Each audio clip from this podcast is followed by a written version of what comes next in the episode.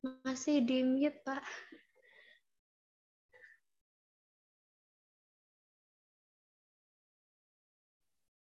Uh, Mas Wid mungkin di settingan audionya.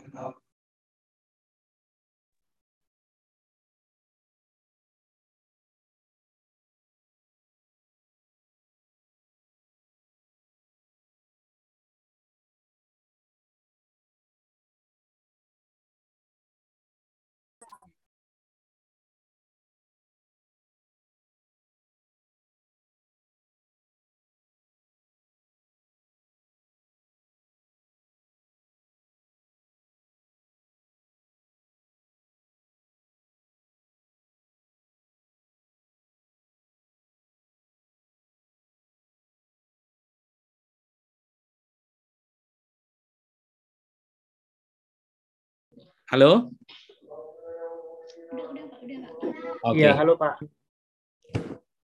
Nanti jangan panggil Pak ya, panggil Mas ya. Siap, Mas. Imbangi supaya juga yang muda. Oke. Ya.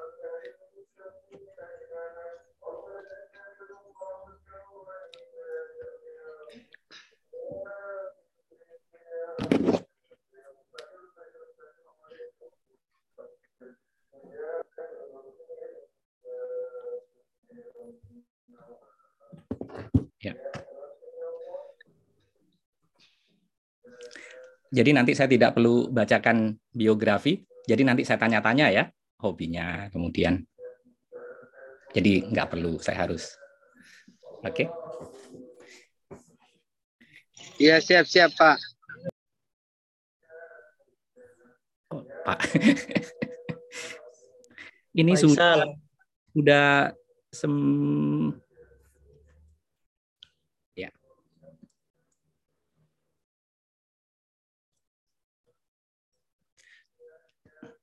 Saya bisa minta bantu ya kawan-kawan Meta untuk screenshot partisipan ya untuk data. Apa kita bisa mulai Mas Nata atau bagaimana? Aman dimulai kapan saja, Mas. Oke. ya, sebentar. Lima detik sebentar.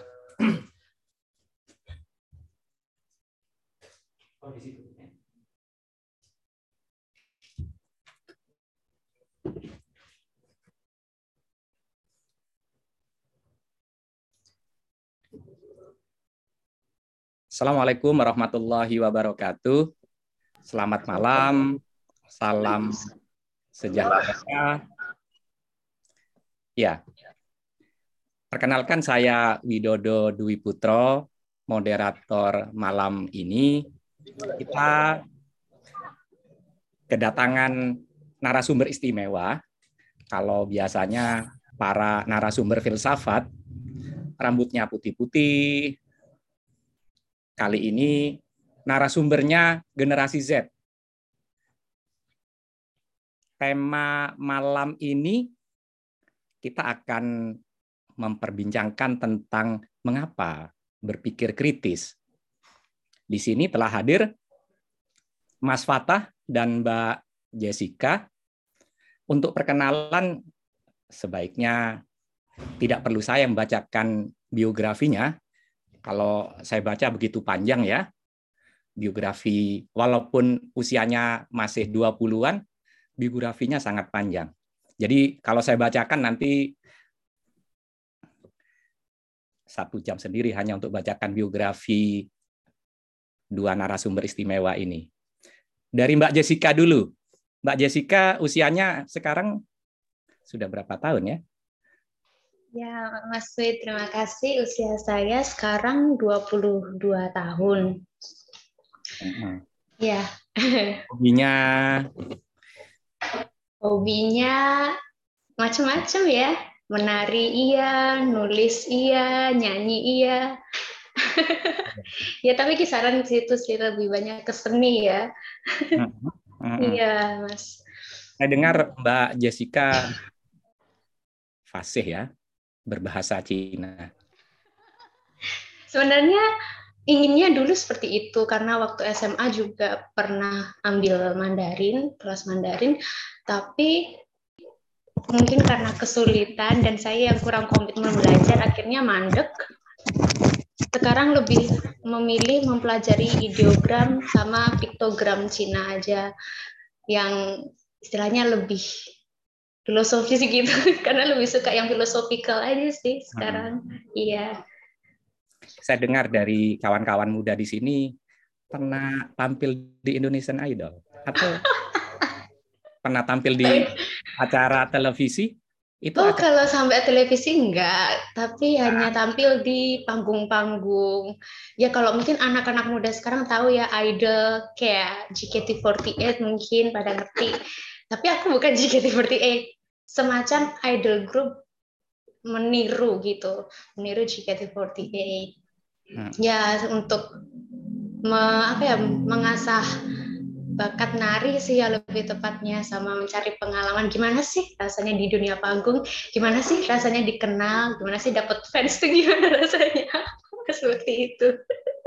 Ya, ya. ya Sekarang studi puji Tuhan sekarang studinya di UNES ilmu hukum sudah selesai tinggal wisuda bulan Maret ini doakan ya teman-teman ya, ya. terima kasih Skripsinya udah selesai. Ya, skripsinya tentang apa kemarin? Oh iya, skripsinya wak- eh, waktu itu tentang perbandingan pertimbangan hakim pidana mati di Cina dan di Indonesia. Makanya saya sekarang juga akan banyak mengulas tentang Cina ya. Memang interestnya dari dulu Cina sih. Baik. Iya. Iya. Kita beralih ke Mas Fata. Mas Fata usianya berapa? Kalau saya sedikit lebih muda dibanding Mbak, Jessica, saya 20 tahun, Mas. Ya, semester berapa sekarang? Di Sekarang ah, studi di mungkin perlu memperkenalkan diri ke peserta, Ya. Ke partisipan. sebelumnya saya sih mau biasanya ada gaya khas, Mas, dalam memperkenalkan diri. Oh, silakan, silakan. Baik, baik teman-teman sekalian, peserta diskusi pada malam hari ini, perkenalkan nama saya Abdul Fattah. Sengaja dipisah antara Abdul dan Fattah karena yang akan bersatu cuma saya dan Mbak Jessica. Eh, baik, eh, saya sekarang eh, kalau tadi ditanya semester, saya semester 6, Mas. Semester 6 sekarang baru mulai-mulai ambil konsentrasi di kebetulan di Universitas Mataram. Hmm, hobinya apa ya, Mas? juga. Hobinya Kayak apa, Mas Fata? Kalau Mbak Jessica suka nyanyi, nari, Mas Fata saya dengar juga suka nari ya. Bener nggak? itu? Saya suka suka juga Pak, suka juga Mas menari menarikan pena-pena dalam tulisan. Ha. Oh gitu. Apa itu? Bisa dijelaskan? Eh, sebenarnya sih kalau tepatnya hobi Pak, bukan sebagai hobi misalnya kalau menulis, tapi lebih sebagai eh, desakan keadaan. Oh, kalau gitu. ada kekesalan kan itu perlu diluapkan Pak. Karena kalau katanya eh, Sigmund Freud itu beban-beban yang tidak diluapkan nanti jadi penyakit. Oh gitu. Ya, Iya, kemarin Mas. saya dengar Mas Fatah menulis di artikel ketika ada kasus mahasiswa di salah satu rumah sakit yang tidak mampu membayar, lalu Mas Fatah menulis ya di kolom opini publik dan saya dengar karena tulisan Mas Fatah itu kemudian mahasiswa dibebaskan yang kebetulan mahasiswa tidak mampu, betul itu Mas Fatah? Ya, iya Mas.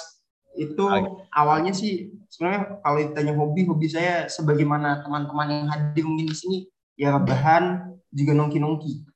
Oh nongki-nongki.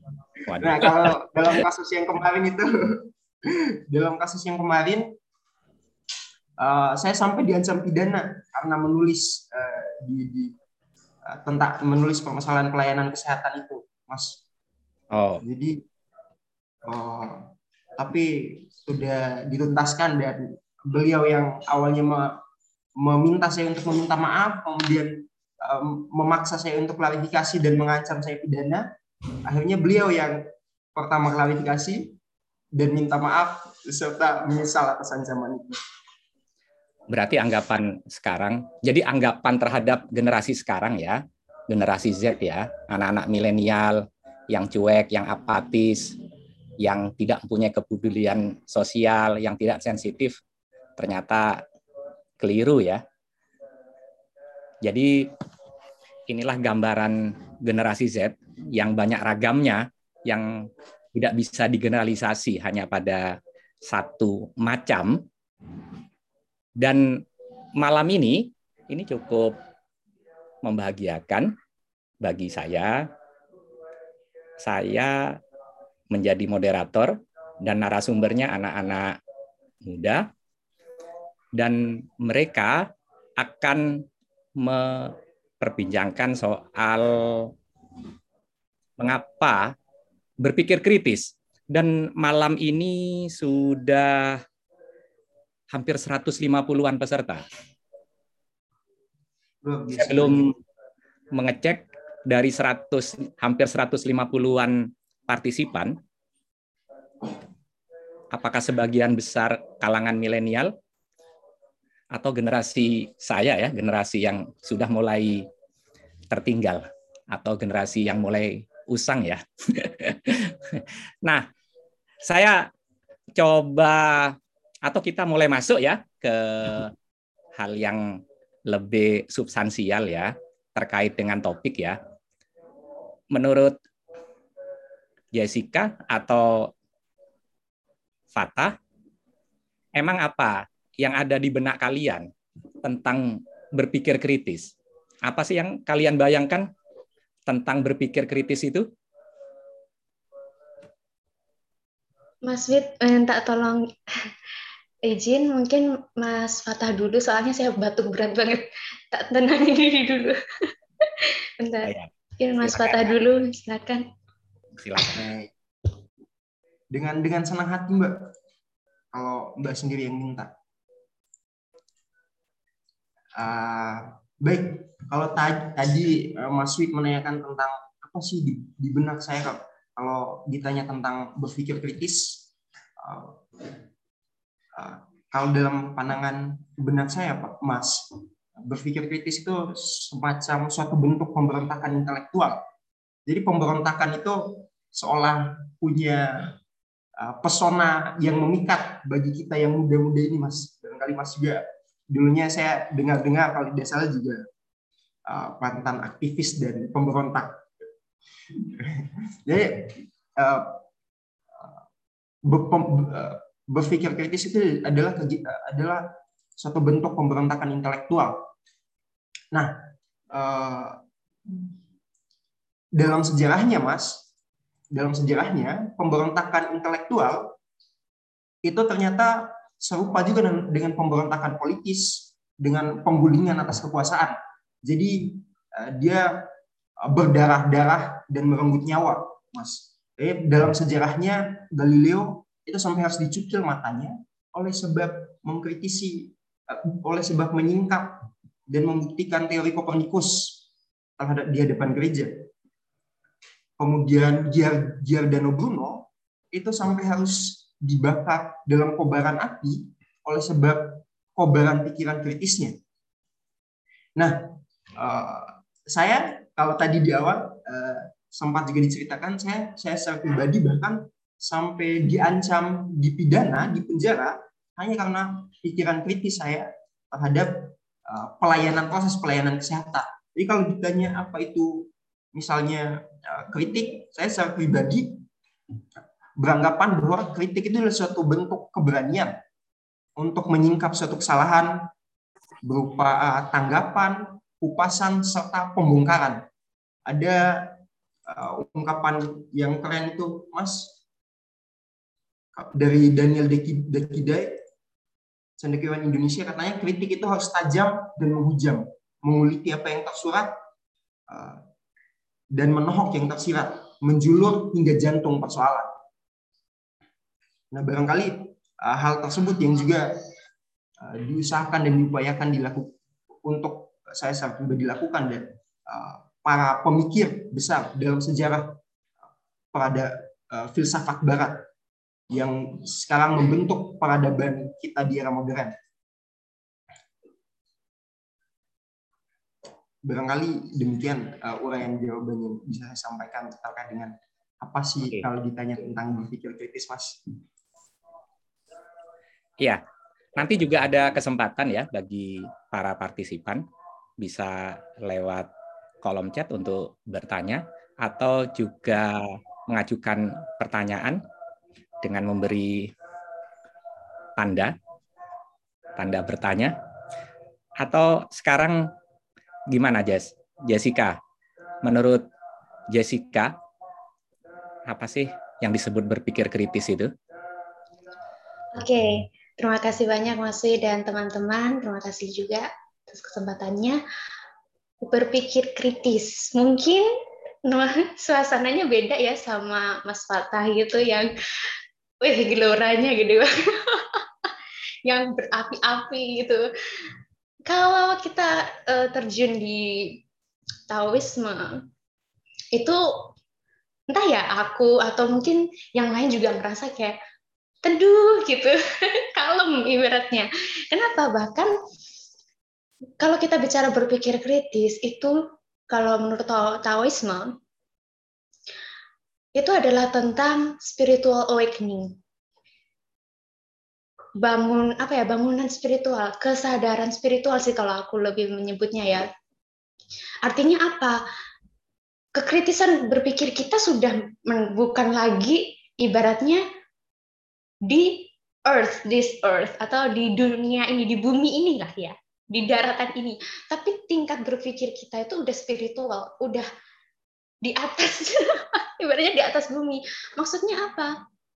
Kalau di tahu itu sendiri ya, mungkin aku akan mulai dengan memperkenalkan tahu. Tahu itu sendiri kan sesuatu yang tidak uh, sama sekali tidak bisa direpresentasikan. Sesuatu yang supreme, sesuatu yang utuh, tapi juga emptiness. Nah, ini ribet nih. Makanya Taoisme itu kalau dibilang simple, tapi sangat complicated menurutku. Kita diajak berpikir, tapi kesannya kalau orang lihat ya, itu kayak, ini orang nggak, kok nggak ada kayak Mas Fatah tadi ya, nggak banyak Eh, nggak uh, banyak action gitu. Kesannya cuma calm mungkin ya ya udahlah. Kesannya malah orang yang orang awam mikirnya ya ini orang sih ini sih kayak nggak berpikir kritis gak ada kekritisan berpikir. Karena apa? Tingkatnya udah beda. Bukan lagi yang kita uh, yang ada di sekeliling kita ya yang bisa ditangkap panca indera tapi udah spiritual alam ibaratnya alam spiritual gitu ya nah tahu itu sendiri dikatakan adalah emptiness. emptiness itu apa? Emptiness itu artinya dia kosong, dia tidak bisa dikurangi, dia nggak bisa diisi, dia nggak bisa dikosongkan. Tapi dia merupakan keutuhan itu sendiri. Jadi sesuatu yang nggak bisa dikurangi dan dia nggak bisa direpresentasikan sepenuhnya. Ya kalau kita sepaksa representasikan malah tereduksi tapi karena ini diperuntukkan untuk kita manusia yang serba terbatas, akhirnya ya sudah kita representasikan dengan eh, apa yang disebut sebagai tahu. Gitu. Ya itu untuk permulaan mungkin selanjutnya nanti bisa dipantik dengan pertanyaan lain. Keren, Mbak. Maaf Pak, masih di mute. ya, sudah ada yang raise hand tapi kita tunda dulu ya, masih baru nanti setelah 20 menit atau setengah jam nanti saya beri kesempatan bagi para partisipan ya untuk bertanya atau menyanggah berdebat dengan para narasumber. Tapi saya harapkan Mas Fata sama Mbak Jessica tidak saling mengamini ya, tapi juga bisa berseberangan pendapat. Nah, kalau menurut Fatah, kapan sih aktivitas berpikir itu disebut kritis? Uh, baik, baik, baik, baik, Mas. Tapi sebelum itu tadi menarik uh, uraian dari Mbak Jessica. Saya sempat baca sekilas sih mbak, nggak masuk ke substansial, nggak benar-benar mendalami. Uh, di buku filsafat timur itu katanya dalam filsafat pra-Taoisme hidup yang berguna itu adalah hidup yang tidak berguna. gitu kira-kira paradoks. itu sekedar apa yang ingin saya sampaikan secara pribadi, Mbak. Karena menurut saya itu menarik menarik hal-hal paradoksal semacam itu.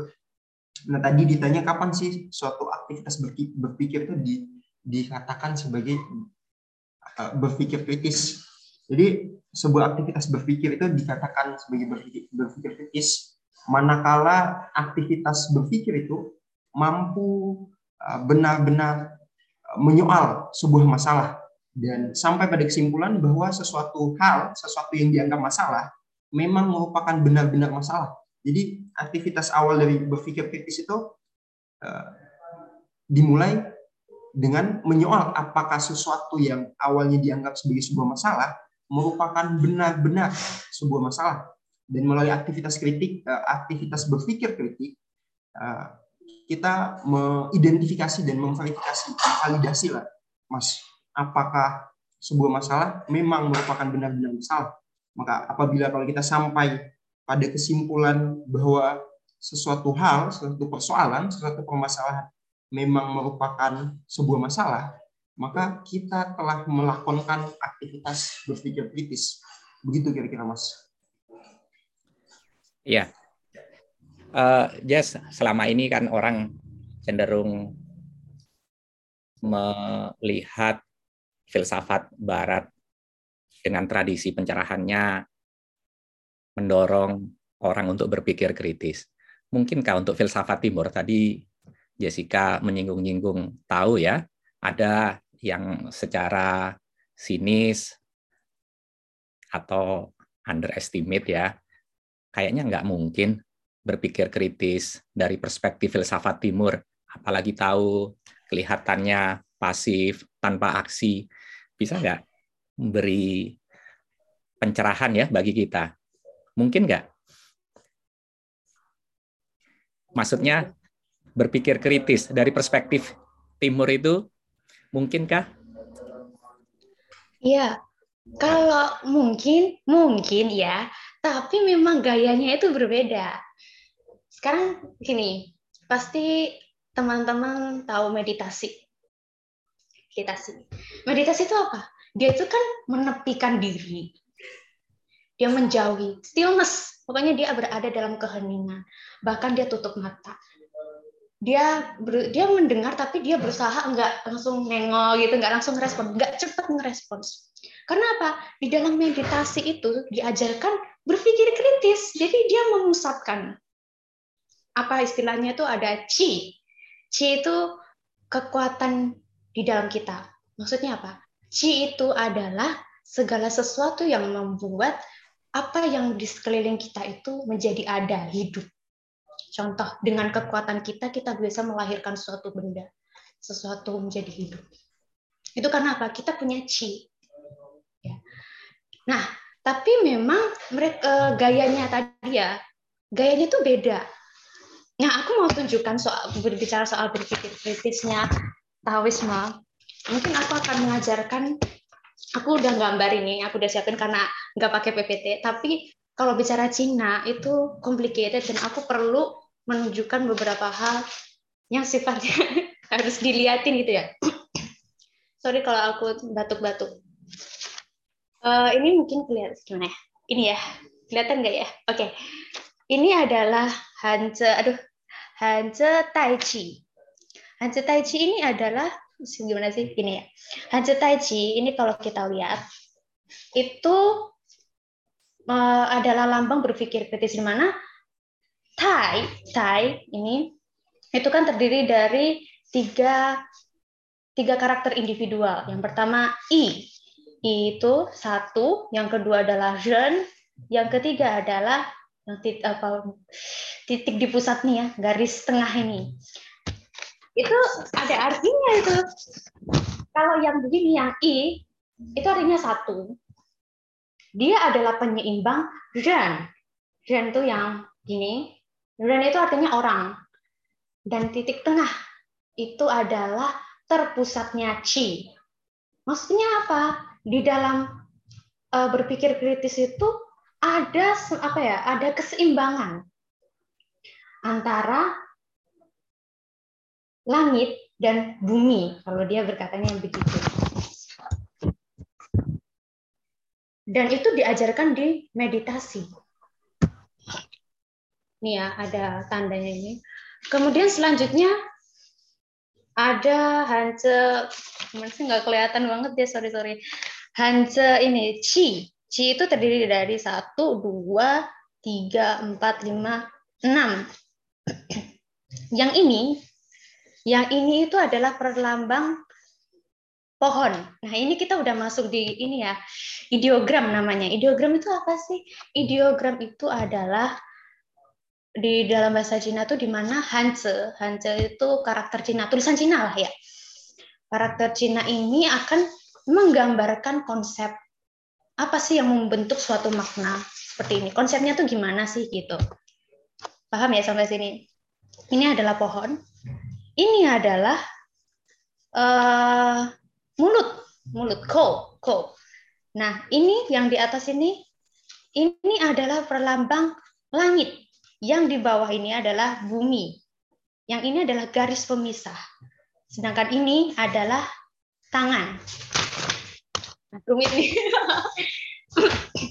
Maksudnya apa? Jadi orang yang berpikir kritis itu tadi ya aku bilang sangat berbeda nuansanya dengan uh, jiwa berkobarnya Mas Fatah gitu. Apa? Mendobrakan apa? Intelektual atau apa itu. Justru mereka itu adalah punya keterpusatan chi jadi dia chi itu kan tadi kekuatannya benar. Kalau chi itu misal tidak dipusatkan dengan meditasi dia itu kan akhirnya menyebar ya. Dia tidak teratur akhirnya apa tidak ada keseimbangan misalkan tadi Hanse Hanse ini, Hanse ini yang garis tengah ini dihilangkan, yang tengah ini juga dihilangkan, akhirnya kan hanya membentuk Shen. Shen itu apa? Ya manusia biasa tanpa keseimbangan, tanpa keterpusatan, manusia liar lah. Dia cuma punya pikiran, tapi dia ya sudah go aja. Aku menghendaki kayak gini ya udah kita ngelakuin apa aja yang kita mau tanpa ada keseimbangan antara langit dan bumi, tanpa ada keterpusatan chi. Apa sih pentingnya keterpusatan chi? Keterpusatan chi itu artinya kita mengendalikan kekuatan kita. Kita tahu kapan kita pakai chi, kita tahu kapan enggak. Jadi enggak yang nyebar ke mana-mana gitu. Paham enggak ya? Nanti kalau enggak paham nanti bisa aku jelaskan lagi. Sedangkan tadi yang chi itu bicara tentang pohon. Jadi maksudnya adalah saat uh, orang yang berpikir kritis, idealnya orang yang berpikir kritis di Taoisme adalah orang yang punya keterpusatan dan seimbang antara langit dan bumi, tahu bagaimana berdiri seperti pohon, rileks seperti pohon pinus, tahu menggunakan tangan dan mulut secara seimbang. Paham nggak? Mulut dan tangan itu adalah salah satu atau penyebab banyak kerusakan. Dengan tangan yang sama, kita menjabat orang, kita menyayangi orang, kita membelai orang. Tapi dengan tangan yang sama, kita memukul orang, melukai orang. Mulut juga, lidah ya terutama. Dengan lidah yang sama, kita bisa menentukan hidup dan matinya orang. Kamu hebat, dia bisa menjadi semangat. Tapi kita juga bisa mematikan dia. Dengan lidah yang sama, mulut yang sama. Makanya di dalam sini dia bilang kekritisan berpikir itu ternyata sekompleks itu. Penggunaan tangan yang dia nutup mulut gitu. Ya, jadi memang nggak banyak nggak banyak ulah, nggak banyak tindakan ya maksudnya ya sebenarnya. Karena dia serba ada banyak kekangan lah begitu. Ya kurang lebih gitu dulu sih. Iya, nanti kalau soal Bubi nanti aku jelasin lebih lagi. Ya. Ada tanggapan, Fata? Jangan segan ya untuk berbeda pendapat. Siap, siap, siap, Mas. Dengan senang. Ya. Ha. Ya, uh, kalau tadi uh, kita kita sekarang itu hidup di era di mana pragmatisme itu asas dasar itu adalah yang paling dikedepankan. Nah, eh, dalam Taoisme, sebagaimana yang tadi dijelaskan oleh Mbak Jessica, itu ada konsep semacam Qi yang kalau dalam uh, positif positivisme itu dianggap bukan merupakan uh, fakta, bukan merupakan sesuatu yang real. Nah, uh, dalam hal ini uh, Mbak Mbak Jessica kira-kira bisa menjelaskan nggak misalnya uh, manfaat atau uh, dampak praktis dari kemampuan kita untuk mengendalikan si yang tadi uh, misalnya dibilang bersebar berkebaran kemudian dikumpulkan melalui proses apa kira-kira dampaknya dengan kita mampu mengendalikan si apakah misalnya kita bisa uh, memperoleh kemampuan untuk kalau dalam film-film Cina kan misal kungfu bisa terbang gitu mbak dan semacamnya lah Kira-kira sampai begitu nggak, Mbak? Oke, jadi dampak dari keterpusatan Qi tadi itu menyebabkan kita itu ini kuncinya. Kita itu kita semua ya, kalau menurut orang-orang zaman dulunya Cina, ancients-nya para Cina, uh, orang Cina, itu bilang kita semua itu adalah subjek dari personal bias. Oke ya? personal uh, prasangka pribadi gitu kan ya mungkin ya. Jadi kita semua adalah kalau aku lebih suka menerjemahkannya sih pemroduksi prasangka. Dan di saat yang sama kita adalah objek penipuan dari panca indera.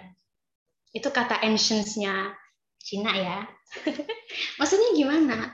Ya, aku kira itu bukan sesuatu yang baru dan bahkan sampai sekarang still relate, masih berlaku di mana kita itu adalah pemroduksi prasangka untuk orang lain. Contoh ya, uh, contoh paling nyata tuh apa ya? Misalkan gini ya, kamu uh, kamu tuh burik deh, paham burik kan ya? Uh, burik itu nggak cantik, nggak cakep gitu. Terus kita kemakan tuh prasangka kayak gitu. Oh iya ya, kayaknya iya deh aku burik deh.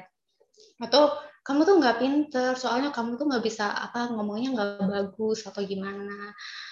Ya kayak gitu. Dia tuh memproduksi prasangka-prasangka kayak gitu dan di saat yang sama orang juga ketipu dengan panca indera gitu apa yang dilihatnya oh ya kayaknya sih aku beneran jelek deh aku beneran nggak pinter deh soalnya kayak teman-teman juga pada bilang kayak gitu ya nah ini yang mau uh, ditekankan ya di dalam berpikir kritis supaya Dampaknya adalah kita punya clear vision, vision yang lebih jelas tentang prasangka itu.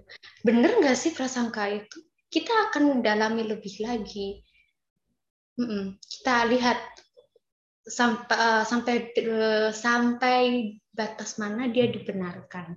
Dan umumnya justru kalau di Taoisme ya justru sampai pada emptiness di mana kita sudah tidak punya lagi uh, ibaratnya steril dari prasangka-prasangka itu. Kita benar-benar murni, ya kita benar-benar murni. Dan oleh karena itu kita nggak bisa nggak gampang kepengaruh, nggak gampang kemakan bias. Dan kita juga nggak cepat percaya dengan penipuan panca indera yang sebagaimana dikatakan oleh ancients-nya. Karena apa? Personal bias itu sangat-sangat mempengaruhi kehidupan kita hidup hidup kita mau seperti apa itu ditentukan oleh prasangka kok. Sekarang orang berprasangka kalau kita itu cantik gitu, aku cantik misalkan. Itu udah tuh udah banyak gaya gitu kan. Udah bahkan bisa jadi sombong ya kan. Kayak terus akhirnya aku berusaha merebut pengakuan aku berusaha tampil gimana glow up dan sebagainya. Tapi di titik mana aku seperti itu akan muncul masalah lagi. Masalah baru lagi. Contoh aku di waktu itu Betul, pernah ya waktu aku aku pernah terjun ke dunia idol itu aku pernah ber, ber, sering banget ya kepakan prasangka seperti itu. Kayak ya kamu tuh bagusnya rambutnya panjang lurus gitu. Kayak idol idol JKT gitu terus mulus kakinya gitu. Satu kali pernah aku turutin ya udah deh aku ke salon gitu kan. Aku kira masalah selesai. Ternyata muncul masalah baru lagi. Apa coba masalahnya ih tapi kamu tau ngedance-nya itu kurang ini. Kayak kayak JKT itu juga dia kan suaranya bagus kalau sambil nari gitu. Ternyata ibaratnya kamu menyelesaikan masalah itu akan diikuti masalah baru lagi. Dan di Taoisme dikatakan adalah lebih baik kamu tidak menyelesaikan masalah itu dan biarkan dia bubar sendirinya dengan terselesaikan sendirinya. It is better uh, uh, apa ya dissolved dan solved. Ya, jadi dampaknya adalah ya kalau aku boleh meringkasnya supaya kita punya clear vision ya, nggak gampang kemakan, tetap steril, tetap natural, gitu. Penampilan itu menguntung. Oke oke, ya itu itu aja dulu. Di sini sudah ada tiga orang raise hand, tapi sebelum saya berikan ke Badi, ke Danang dan Marco ya, saya berikan dulu satu kesempatan untuk Fatah untuk merespon. Wah, luar biasa sih dari terima ya. kasih. Sebelumnya terima kasih Mas atas kesempatannya. Tapi uh, uh, tadi uh, Taoisme dan berpikir kritis dalam tuntunan Taoisme itu sebenarnya kalau saya dengar uraian Mbak Jessica tadi itu punya manfaat yang luar biasa praktis di mana uh, di era sekarang uh, insekuritas insecurity yang mahasiswa-mahasiswa pemuda-pemuda pemudi-pemudi cewek-cewek juga cowok-cowok itu uh, mempunyai masalah insekuritas kepercayaan diri dan uh, dan apa yang tadi disampaikan oleh Mbak Jessica kayak bisa jadi solusi bagi pemuda-pemudi uh, yang muda yang sekarang uh, memiliki persoalan dan permasalahan insecurity, insekuritas kepercayaan diri, yaitu dengan dekat patah nih ngeras. Kan masalah itu mana kaknya banyak aku batur nah, masuk. tetap menjadi sekedar ungkapan barangkali itu uh, Mas tanggapan atas apa yang disampaikan oleh Mbak Jessica. Baik, semakin menarik ya, dan saya harapkan semakin malam diskusi ini semakin berkembang ya. Di sini sudah ada Badi yang raise hand. Setelah itu saya berikan ke Danang dan Marco ya. Bagaimana? Tiga-tiga tiga-tiganya bisa langsung ya? Pendek-pendek ya? Bisa, bisa, bisa. Silakan. Oh. Dari Badi dulu. Baik, terima kasih atas waktunya Pak Widodo yang saya hormati. Jadi nama saya Badi, saya ingin bertanya sedikit mengenai berpikir dari mana Badi? Oh ya, saya dari dari Lombok Pak. Jadi dari dari Universitas Win Mataram, jurusan komunikasi. Ya. Silakan. Jadi saya ingin bertanya, Pak, berpikir kritis itu, kita berpikir kritis itu tidak memiliki batasan. Dalam artian, apakah dogma-dogma, baik itu dogma agama maupun dogma yang lainnya itu harus dilepaskan ketika kita berpikir berpikir secara kritis. Sehingga ketika kita berpikir secara kritis itu, tidak ada hal yang membatasi kita berpikir karena memang berpikir itu tidak dibatasi. Tapi ada hal-hal seperti dogma-dogma yang membatasi kita untuk berpikir. Apakah kita harus melepaskan dogma-dogma itu? Bagaimana bagaimana pemikiran Barat seperti Descartes yang berkata jika kita berpikir maka kita hidup dan bagaimana kita membuka konsepnya Ibnu Arabi dari sebelah timur sana yang memiliki 10 tingkatan akal yang di mana manusia-manusia awam seperti kita mungkin belum tentu bisa bisa sampai tingkatannya untuk berpikir ke sana dari tingkatan akalnya Ibnu Arabi, baik itu Ibnu Sina maupun filsafat sampai Ibnu Rus. maupun filsafatnya muala sadra yang diketahui. Seperti itu. Jadi apakah dogma-dogma agama itu kita lepaskan agar kita bisa berpikir positif, berpikir kritis maksudnya seperti itu. Mungkin hanya itu saja, Pak. Terima kasih. Ya, Badi mahasiswa di UIN? Ya. Ya, di jurusan apa? Saya di jurusan komunikasi, Pak. Komunikasi ya. Semester berapa sekarang, Badi? Untuk saat ini saya baru saja selesai, Pak. Oh, baik. Baru saja selesai. Menarik pertanyaan Badi ya. Mau di langsung ditanggapi atau kita sambung dulu dengan Danang dan Marco? Mungkin disambung dulu saja, Pak. Ya, Di... baik. Silakan, Danang. Baik, Bismillahirrahmanirrahim. Assalamualaikum warahmatullahi wabarakatuh. Um, mohon izin, Mas Wid, mungkin tadi dikatakan di awal dipersingkat, saya ingin izin bahwa pertanyaan saya ini membutuhkan prolog gitu. Jadi mungkin akan saya sampaikan sedikit prolog dulu, mungkin nanti langsung masuk ke inti pertanyaan. Uh, saya mau sapa dulu kepada narasumber Mas Abdul Fatah, rekan saya di fakultas, kemudian Mbak Jessica yang baru pertama kali kita ketemu melalui via online begini. Perkenalkan, saya Danang Danugraha dari Fakultas Hukum Universitas Mataram, kebetulan satu angkatan dengan Mas Abdul Fatah semester 6. Uh, eh, pertama Pak, saya hanya ingin, uh, saya sebenarnya punya tiga punya tiga susunan sih Pak. Cuma mungkin saya akan persingkat aja. Pertama, saya ingin memberikan saran ataupun memberikan masukan ataupun tambahan kepada uh, argumentasi awal daripada Mas Fatah di awal tadi bahwa apa itu berpikir kritis bahwa Mas Abdul Fatah mengatakan pemberontakan intelektual. Saya hanya ingin menambahkan mungkin Mas Fatah luput bahwa uh, berpikir kritis itu juga harus disertai dengan rasionalitas. Berontak kita intelektual tapi harus juga dengan intelek uh, harus dengan rasional. Itu aja saya tambahkan dari argumen awal.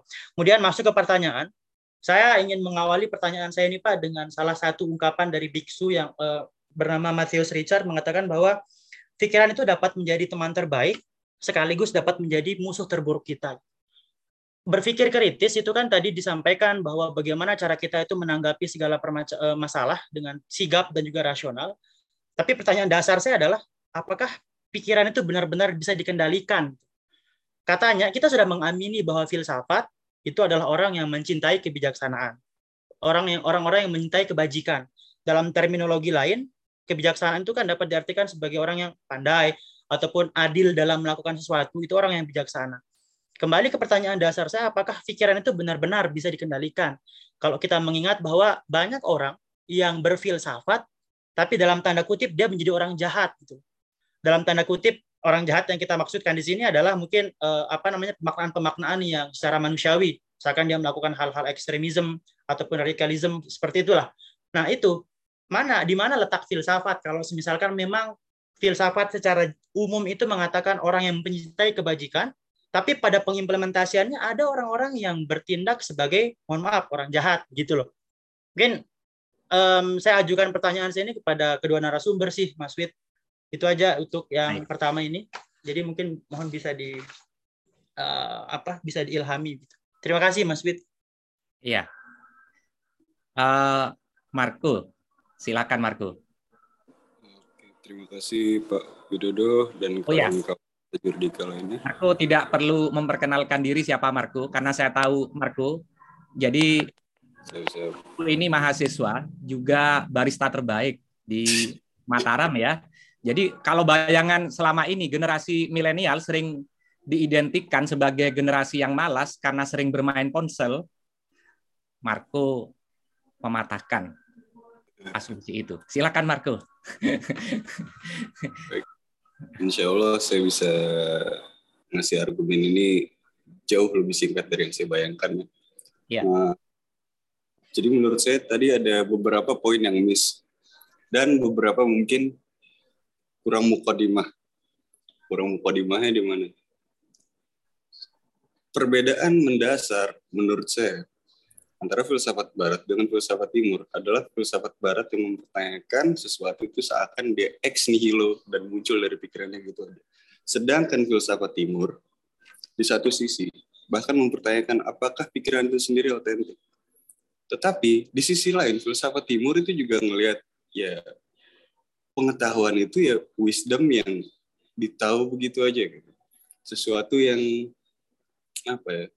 Yang mungkin bisa kita bilang perennial. Tapi enggak apa ya, dia bukan sesuatu yang ditemukan seseorang atau oh ilmu ini ada karena Plato ilmu ini ada karena siapa kamus misalkan. Ataupun ilmu ini baru ada setelah munculnya Adi Shankara itu itu yang apa yang pengen disampaikan tahu itu sebenarnya kan jadi semua yang sudah ada di dunia ini memang sudah ada sebelumnya. Dan baru saja disadari beberapa orang itu. Itu pertama. Uh, apa ya? Perdebatan perdebatan tadi itu kurang konteks menurut saya. Tidak dalam satu halaman yang sama. Dan untung ada tadi Mas Bani yang apa ngutip Ibnu Arabi ya keren sih.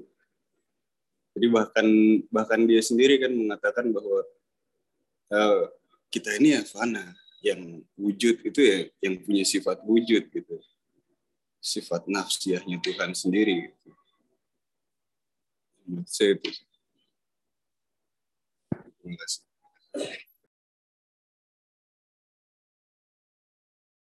Ya, gitu Marco. Oke, baik. Ditanggapi dari Badi tadi. Untuk Badi saya coba sedikit mengingatkan pertanyaan Badi tentang berpikir kritis apa iya tidak dibatasi apa pun termasuk dogma ya. Badi ingin mengatakan termasuk dogma agama dalam konteks ini. Jadi berpikir kritis tidak dibatasi oleh sekat-sekat dogma. Apa iya seperti itu? Ini mau Fata atau Jessica yang akan menanggapi? Sekalian juga pertanyaan dari hmm. Marco dan Danang nanti langsung saja ya. Aku aja dulu nggak apa-apa deh. Ya silakan. Oke, okay.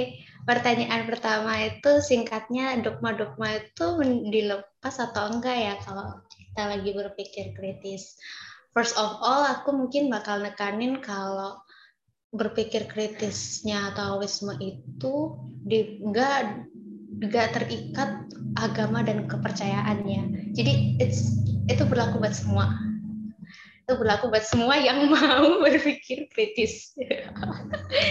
Jadi aku rasa jawabannya sih sederhana ya. Apa yang mau dilepas?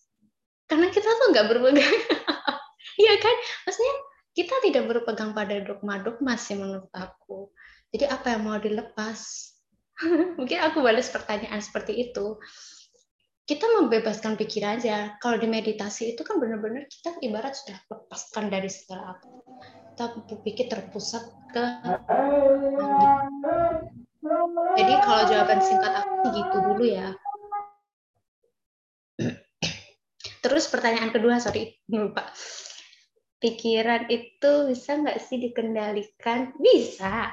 Lewat meditasi, lewat meditasi, tai chi, terus apa ya, kungfu, itu semua, itu ini loh, itu latihan ini, latihan mengendalikan pikiran.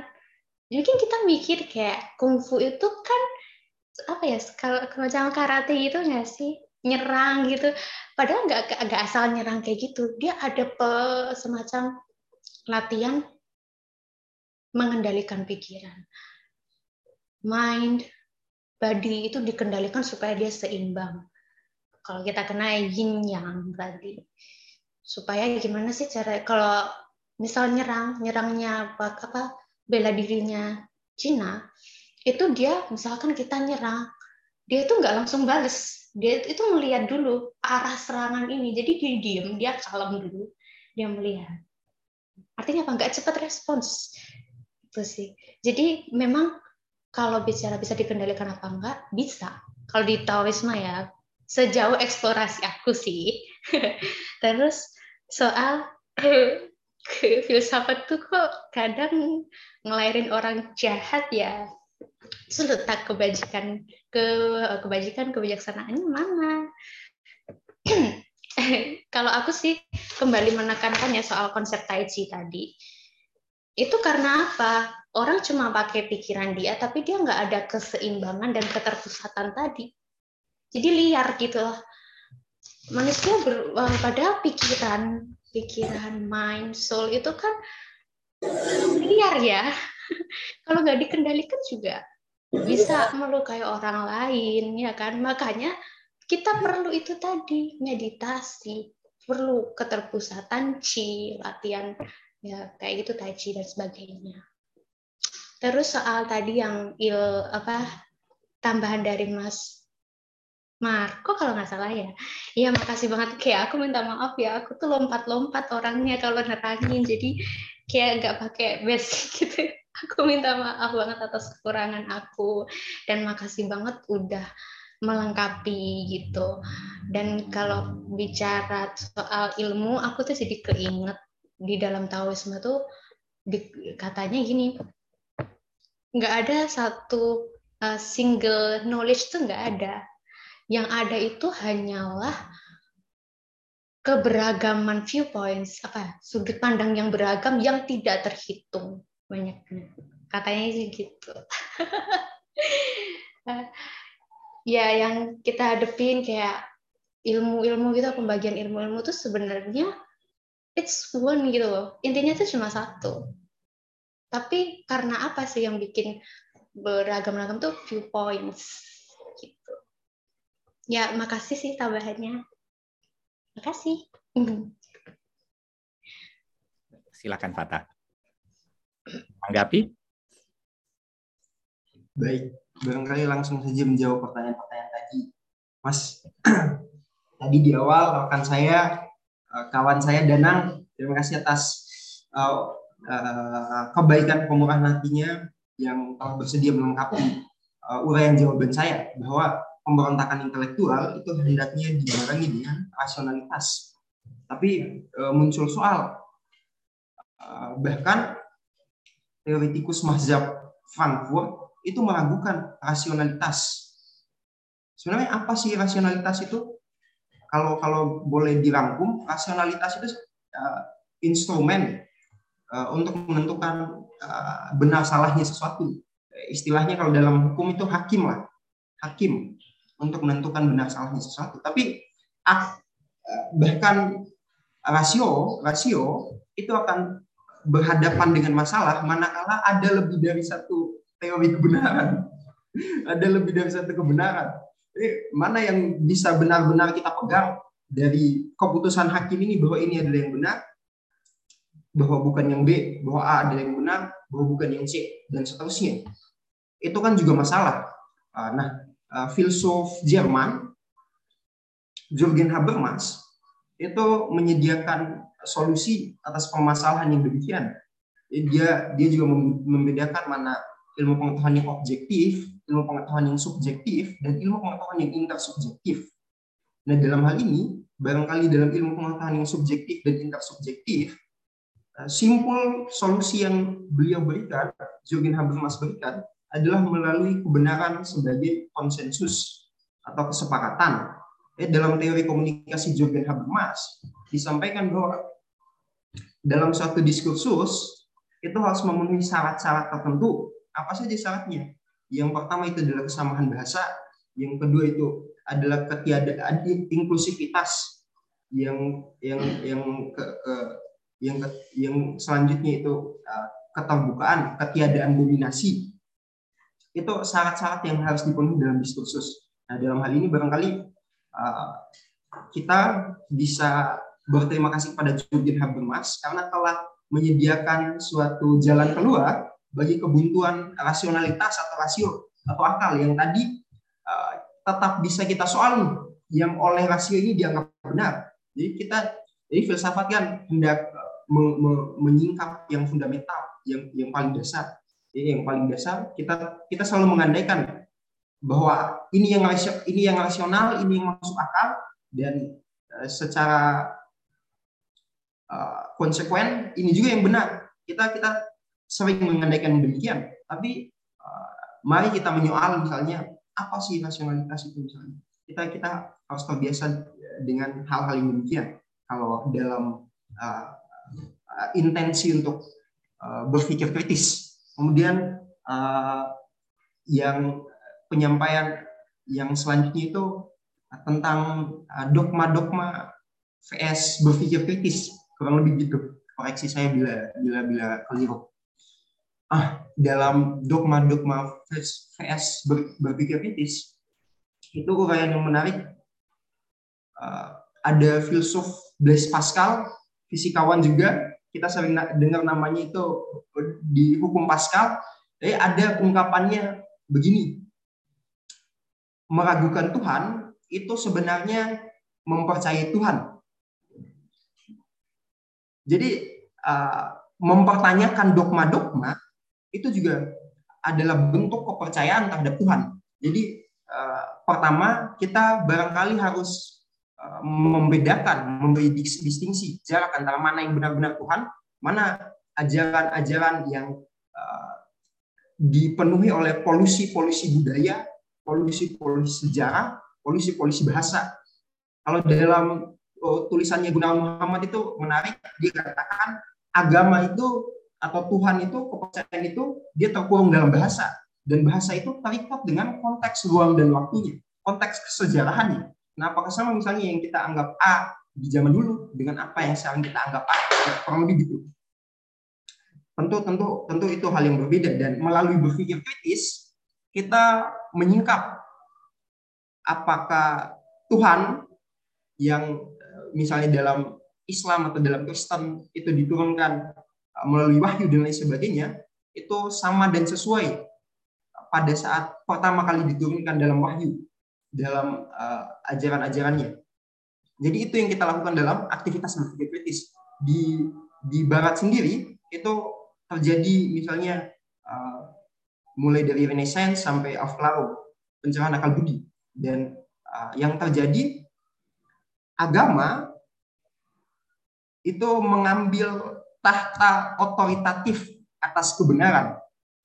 Kemudian uh, para filsuf, para pemikir yang berpikir kritis itu melumat tahta otoritatif, tahta kekuasaan yang awalnya dipegang oleh gereja dengan uh, bedil, bedil dan tombak yang uh, dibuat, disusun dari pikiran-pikiran kritis sampai sekarang kita menikmati buah dari peradaban dari sejarah peradaban tersebut.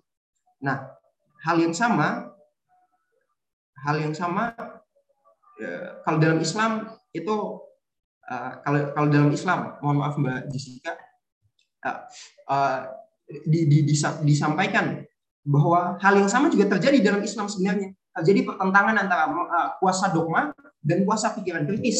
Tapi dalam Islam, yang menang itu adalah dogma. Yang menang itu adalah dogma. Sehingga terjadi stagnansi. Bukan bukan lagi stagnansi, terjadi kemandekan bahkan uh, kemunduran dalam sejarah peradaban Islam. Kurang lebih begitu. Yang awalnya memuncaki peradaban di era Harun al-Rasyid sampai kemudian uh, runtuh sampai dengan era sekarang masih tahu. Nah, uh, di jadi ingin saya sampaikan itu dua hal yang berbeda. Apa yang kita percaya dengan apa yang kita percayai sebagai Tuhan dengan eksistensi Tuhan itu sendiri entitas Tuhan itu sendiri. Jadi apa yang kita percayai sebagai Tuhan itu barangkali itu dipenuhi oleh polusi-polusi kepercayaan polusi-polusi budaya polusi-polusi dogma dan lain sebagainya. Tapi eh, kita bisa menjernihkan dan dan membersihkan polusi-polusi itu dengan aktivitas berpikir kritis menyangsi, meragu, mempertanyakan dan lain sebagainya. Jadi eh, sebagaimana apa yang diungkap oleh Blaise Pascal tadi di awal, meragukan sebenarnya juga mempercayai eksistensi Tuhan. Eh, kemudian selanjutnya eh, Danang juga menyampaikan bahwa pemberontakan intelektual, oh ya, hendaknya dibarengi rasionalitas yang di awal. Kemudian apakah pikiran itu bisa dikendalikan dan banyak orang yang berfilsafat namun akhirnya melakukan tindakan uh, tindakan jahat.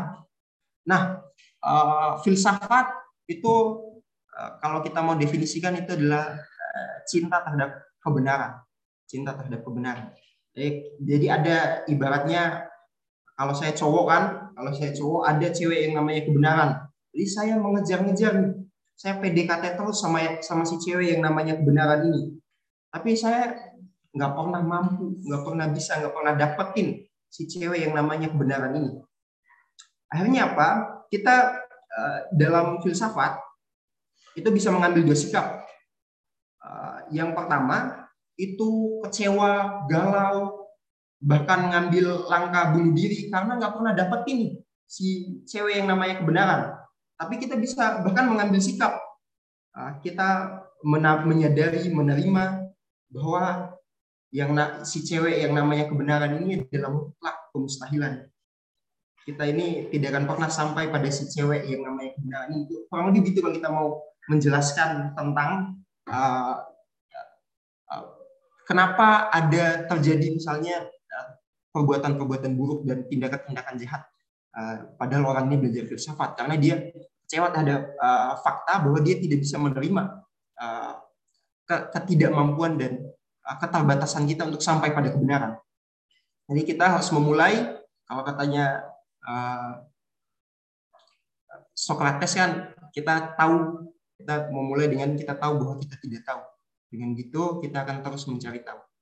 Kita tahu bahwa kita tidak akan sampai pada sebutlah Mbak Jessica, saya tahu bahwa saya nggak akan sampai pada Mbak Jessica. Jadi yang saya usahakan, yang saya lakukan adalah terus-menerus mengejar-ngejar Mbak Jessica. Kurang lebih gitulah kalau kita mau ringkas dan gunakan analogi yang simpel. Uh, tadi uh, tadi yang disampaikan oleh Mas Mas Mas Marco misalnya semua yang ada di dunia ini memang merupakan sesuatu yang memang sudah ada kurang lebih gitu ya. Uh, koreksi saya bila sudah bila saya keliru. Dalam pertentangan filsafat Barat kalau tidak salah uh, ada dua kubu dua kutub yang saling bertentangan kan? Namanya ada kubu kubu seberang ini si rasionalisme dan kubu seberang ini si empirisme. Jadi dua kubu ini bertentang sepanjang eh, sejarah peradaban pemikiran barat. Tapi pada suatu waktu lahir seorang yang mencoba mendamaikan sebutlah gitu kedua kubu ini yaitu Immanuel Kant melalui kritisismenya jadi kubu yang uh, tadi yang percaya bahwa pengetahuan, kebenaran itu sumbernya dari pikiran versus uh, kubu yang percaya bahwa pengetahuan dan kebenaran itu sumbernya pengalaman itu didamaikan oleh si uh, Immanuel Kant. Nah, tadi uh, disampaikan di awal kalau boleh melengkapi uh, juga disampaikan tingkatan-tingkatan pengetahuan misalnya Immanuel kan kurang lebih menyusun hal yang sama tentang syarat-syarat pengetahuan. Tapi Hegel kan mengkritik syarat-syarat pengetahuan ini kan juga pengetahuan. Kurang lebih begitu katanya Hegel. Lantas apa syarat-syarat atas pengetahuan, syarat-syarat atas syarat-syarat pengetahuan yang merupakan pengetahuan ini? Ini kan pada intinya pada ujungnya akan sampai pada argumen argumentum ad infinitum, argumen yang nggak ada ujungnya, nggak berakhir. Itu kira-kira uh, kritik Hegel untuk meruntuhkan uh, pandangan uh, Immanuel Kant yang percaya bahwa ada yang namanya salah-salah pengetahuan dan lain sebagainya. Uh, barangkali demikian oh uraian jawaban untuk pertanyaan-pertanyaan tadi. Ya. Di sini ada Neles Tapile ya. Yang raise hand. Saya harus manggil apa ini? Ini bahasa mana? Nelestapele. Kemudian juga ada Muhammad Aryanang ya. Oh, Anang. Nah, Nelestapele dulu. Sekalian saya ingin tahu dari mana? Apa oh. namanya Nelestapele atau bagaimana ini? Tapele itu kebetulan komunitas saya, Pak. Jadi, oh, iya. Nah, bisa Ya, kenalin saya Neles. Kalau aslinya sih dari Maluku Tenggara. Oh, mantap. Tapi saat ini domisili di Jakarta, Pak. Ya. Salam kenal, salam hormat buat teman-teman semuanya. Jadi ini saya sudah diperkenankan buat uh, mahasiswa atau Oh, ya, saya ya tentu. Sekarang ruang bagi Neles ya. Neles, Neles. Oke. Okay. Ya, Pak. Uh, saat ini saya kerja, Pak. Saya kerja. Mm -hmm. Oke. Okay. Ya. Iya. Uh, sebetulnya apa yang nanti saya mungkin pengen share juga itu kaitannya dengan kerjaan setiap hari aja sih Pak.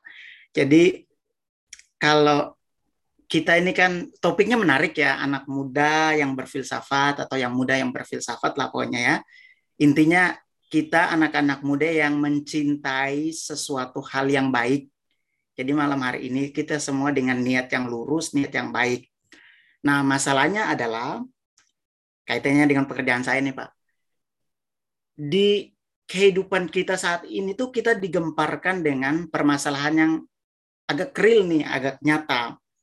Ada anak muda yang usianya itu baru 24 tahun udah jadi tersangka korupsi. Jadi orang-orang yang mengkorupsi atau mengambil duit kita ini semakin hari semakin muda.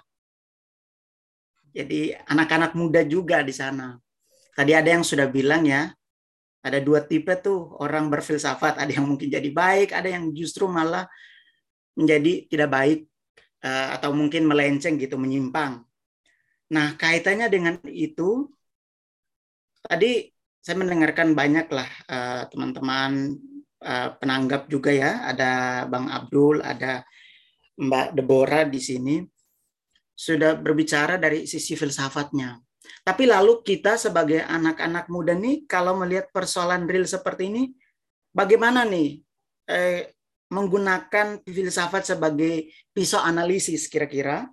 Untuk karena karena gini dalam bayangan banyak orang kalau filsafat itu pasti ngelihatnya tuh berbeda gitu ya melihat sesuatu membaca sesuatu itu berbeda nah eh, bagaimana kita menggunakan filsafat itu sebagai sebuah metode atau sebuah ilmu dalam menyelesaikan persoalan. Jadi saat ini juga mungkin kita mensimulasikan gitu. Jadi Bang Abdul, Mbak Deborah, ketika ini ada masalah nih, kita kita kita mau memecahkan masalah, kita mau memecahkan masalah tadi, ya supaya anak muda ke depan itu tidak lagi terlibat kong kali kong, terjerumus dalam kejahatan korupsi itu nih bagaimana? Mungkin bisa disimulasikan cara penyelesaiannya atau bagaimana begitu supaya ya tapi monggo lah nanti uh, bebas aja ditanggapi juga. Nah mungkin itu saja karena jujur ya jujur Pak Widodo izin uh, satu dua kalimat lagi. Jujur saya juga prihatinnya sebagai anak muda.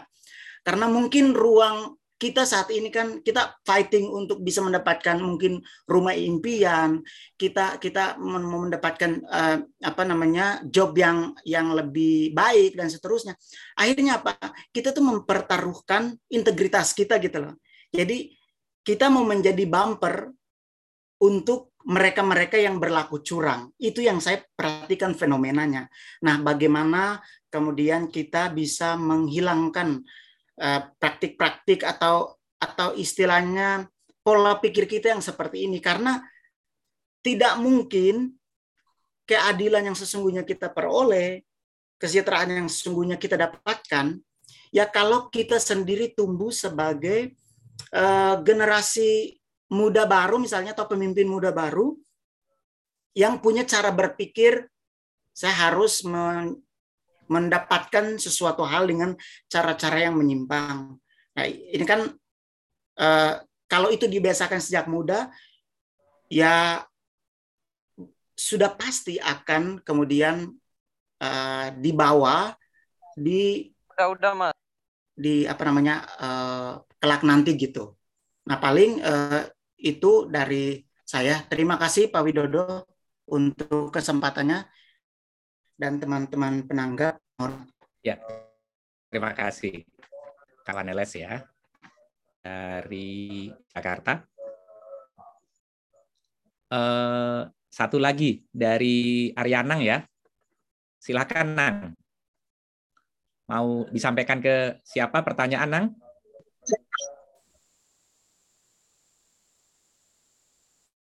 Uh, ya. Mungkin karena kita diskusinya banyak keseluruhan. Sepertinya sinyal, Nang. Sinyal, Mas. Aduh. Ya, ini mana ini? Sedang di kampus atau sedang di kampus di kampus oh, di luar. Soalnya oh, ya itu kalau wifi gratisan memang buruk sinyalnya. Banyak yang pakai sinyal kampus. Silakan, Nang. Uh, uh, perlu kenalan berarti ya, Pak ya? Mas ya, tidak perlu kenalan. Uh, baik, lanjut aja langsung. Uh, terkait dengan analisis wacana kritis, mungkin nanti pertanyaannya ngalir aja ya. Yeah. Terkait uh, kenapa sih kita harus berpikir kritis gitu? Karena bagi saya ya, seni dalam berpikir kritis itu bukan kita memberikan suatu solusi, bukan kita memberikan suatu uh, jalan gitu kan, tetapi kita ingin mengingatkan gitu bahwa ada suatu kekeliruan, ada suatu kesalahan yang dilakukan oleh misalnya orang yang ingin dikritik gitu. Misalnya tadi Mas Danang ya mengatakan bahwa uh, kalau Mas Fatah bilang saya mohon maaf tidak terlalu ini tapi intinya kritik itu adalah melakukan pemberontakan gitu. Nah, ditambah sama Mas Danang bahwa pemberontakan itu harus melalui rasionalitas gitu. Nah, bagi saya ini agak eh, apa ya sedikit rancu gitu karena kalau kita belajar dari Albert Camus bahwa pemberontakan itu dia harus apa pemberontak itu bukan orang yang tiba-tiba langsung bilang tidak terhadap uh, apa namanya suatu hal yang dipaksakan kepada dirinya gitu. Tapi pemberontakan itu adalah seorang hamba sahaya yang tiba-tiba menggeleng dalam keadaan dia yang biasanya eh, apa namanya mengangguk gitu. Jadi mengkritik itu adalah suatu hal yang menggeleng di saat semua orang mengangguk gitu. Yang di mana kita berusaha untuk keluar dari suatu kendaraan, keluar dari mobil, dan kita melihat bahwa ada eh, ban yang bocor di dalam mobil itu, Terus kita berusaha untuk mengingatkan kepada semua orang yang berada di dalam mobil, berada di dalam sekoci bahwa itu adalah suatu yang uh, ada ada suatu uh, kecacatan atau sesuatu yang perlu ditambal gitu. Itu bagi saya kritik gitu. Nah, berkaitan dengan apa namanya ya? Uh, tadi Aku boleh nanya nggak Mas terkait dengan uh, Mbak Jessica tadi terkait emptiness tadi. Uh, Mbak Jessica mungkin bisa ini jelasin ulang tentang emptiness tadi yang Taoism. Ya, bisa dikemas dalam pertanyaan. Nanti biar Oke, okay. nanti aku ya aku minta ulang dijelasin ya. Tapi terkait dengan seni berpikir kritis, menurutku berpikir kritis itu adalah mencoba untuk uh, menjauhkan sisi pengetahuan kita dari uh, dogma dan doksa yang sudah uh, apa namanya ya bersifat absolut gitu. Kita berusaha untuk berpikir secara skeptis gitu. Apakah sesuatu nilai yang dianggap sebagai sesuatu yang mapan gitu kan? Ternyata itu tidak secara absolut di apa namanya di terima oleh kita gitu. Dan saya pikir juga apa namanya kita tidak bisa menjadikan suatu nilai sebagai pandangan yang sifatnya absolut gitu. Karena apa ya? kritis itu apa ya? Kita tidak bisa memandang sesuatu yang berbeda sebagai sesuatu yang lian gitu. Sesuatu yang berbeda adalah sesuatu yang sama bagi diri kita gitu. atau bagaimana menurut uh, Mas Fata dan Mbak Jessica gitu. Nah, kita lihat misalnya dalam permasalahan Papua gitu yang di mana sistem uh, apa namanya nilai yang coba dipaksakan oleh masyarakat Papua itu adalah uh, slogan misalnya NKRI harga mati, slogan bahwa Indonesia adalah negara republik, negara kesatuan, dan Papua nggak punya hak untuk berbicara terkait dengan referendum dan segala macam gitu.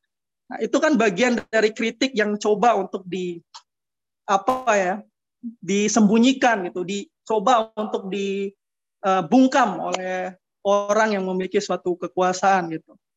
Nah, apa namanya? Seharusnya Nah, ini yang jadi masalah justru malah yang terjadi ledakan wacana gitu. Yang terjadi malah ledakan wacana. Orang yang merasa dirinya dibungkam, dia merasa dirinya nggak salah, dia malah merasa dirinya, yuk, berarti yang saya sampaikan ini benar gitu, karena tidak ada pertarungan pikiran, pertarungan argumentasi di sana gitu.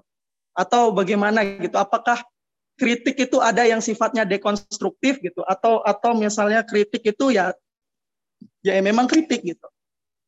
Mungkin hanya itu aja. Terima kasih.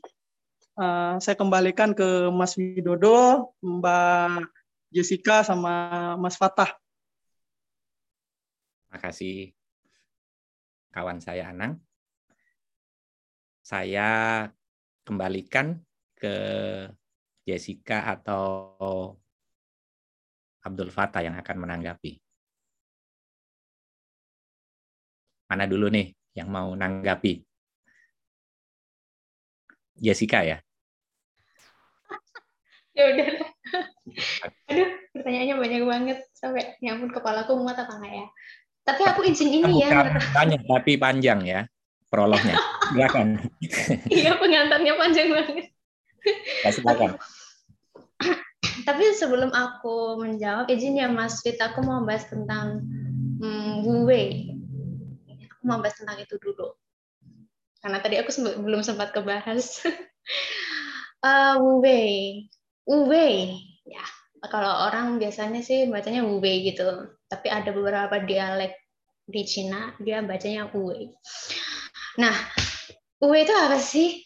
Orang bilang ya non-action gitu Tapi sebenarnya kalau kita coba mengartikan per kata, per hansel, sorry, per hansel, wu itu tiada, wei itu karena.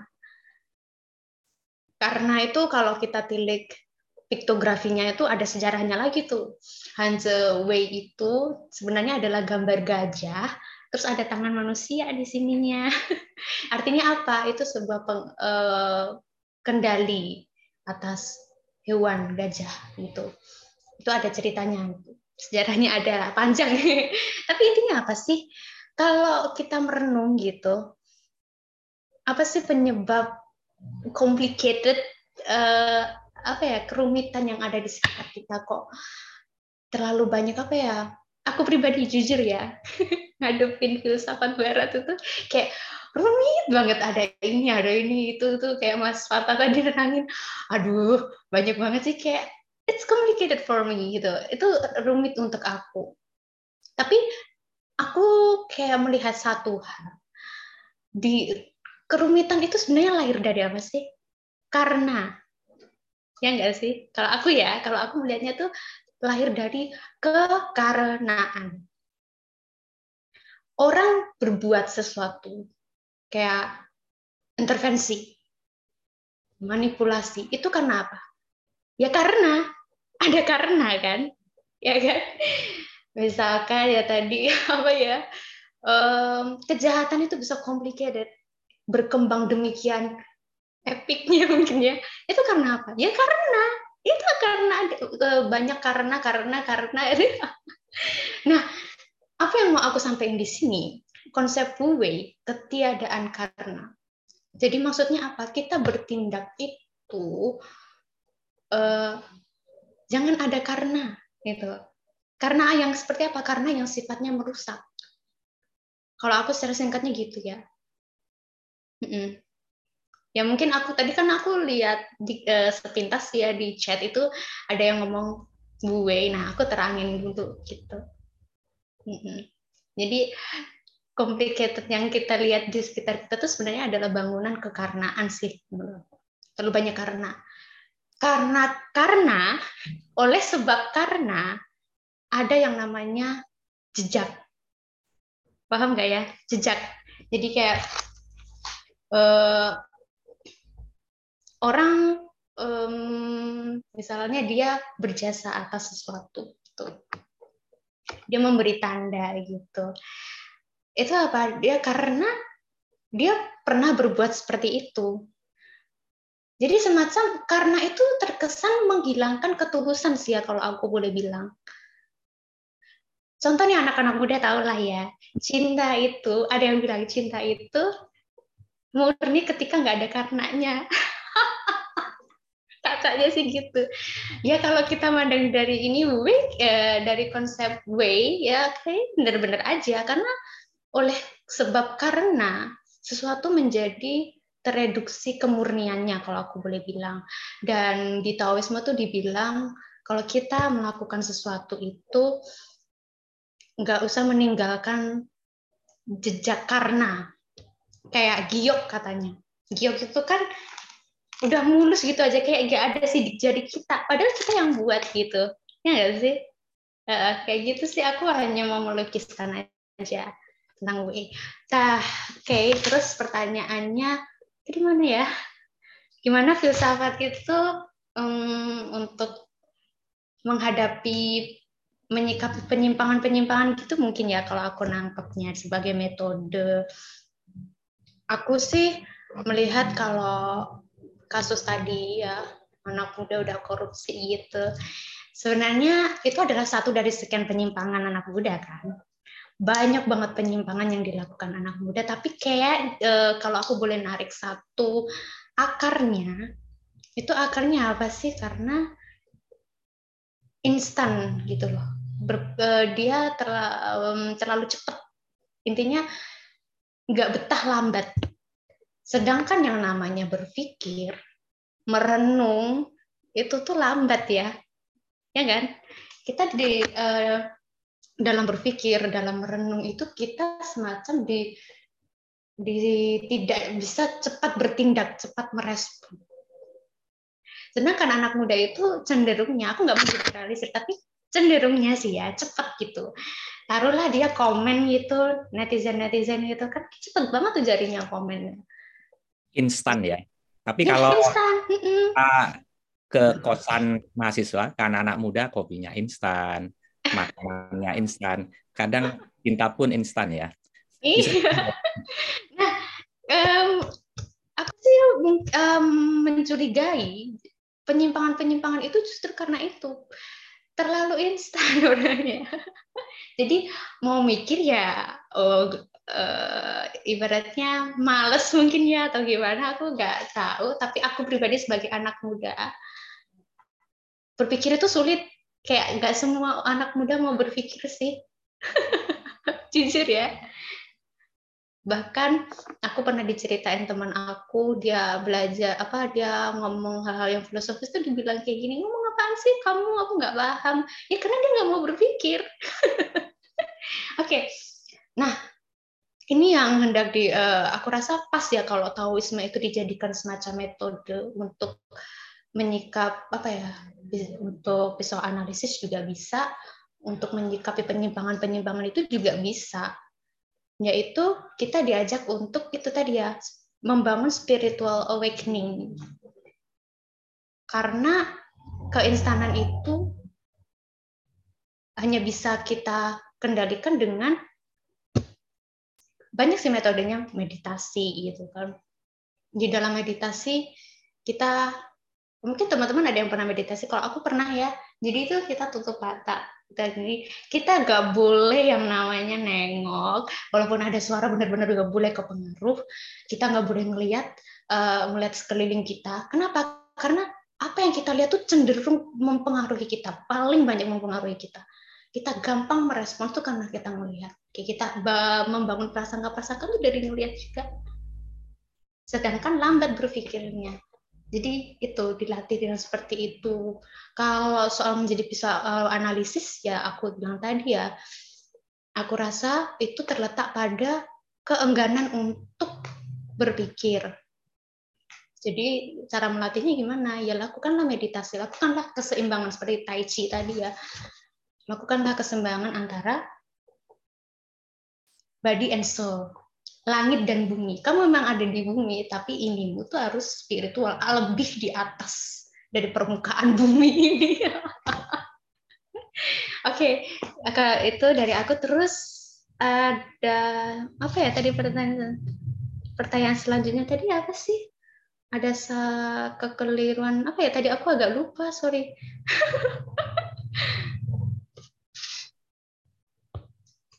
Oke, uh, mungkin ke, aku tunda dulu, mungkin nanti bisa diingetin lagi ya. Maaf kekur, kekuranganku. Terus soal emptiness, mungkin aku terangin lagi. Jadi pada dasarnya tahu, tahu itu itu nggak bisa diwakili dengan kata-kata. Bahkan aku menerangkan semua ini itu nggak bisa merepresentasikan itu sendiri.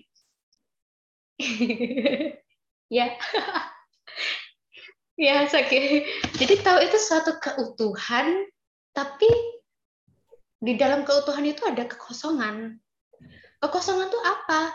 Kekosongan yang nggak bisa kita isi, karena dia kosong, kita juga nggak bisa mengambil sesuatu dari dia, kita nggak bisa mengurangi. Itu merupakan suatu keutuhan. Paham nggak ya? ya, kalau mungkin singkatnya gitu. Jadi, hmm, memang tidak bisa direduksi lah intinya dia kalau kita wakilkan dengan kata-kata justru akan mereduksi keas keutuhannya sebenarnya gitu. Mm -mm. Ya, tadi ada yang lupa dari mm -mm. Anang ya. Uh, mungkin yang dimaksud yang lupa tadi, kalau menurut Anang yang dimaksud pemberontakan itu mm adalah uh, menyatakan tidak atau menggeleng ketika semua orang oh. menundukkan kepala. Nah, menurut Jessica gimana itu? Uh, Oke, okay. aku rasa benar ya.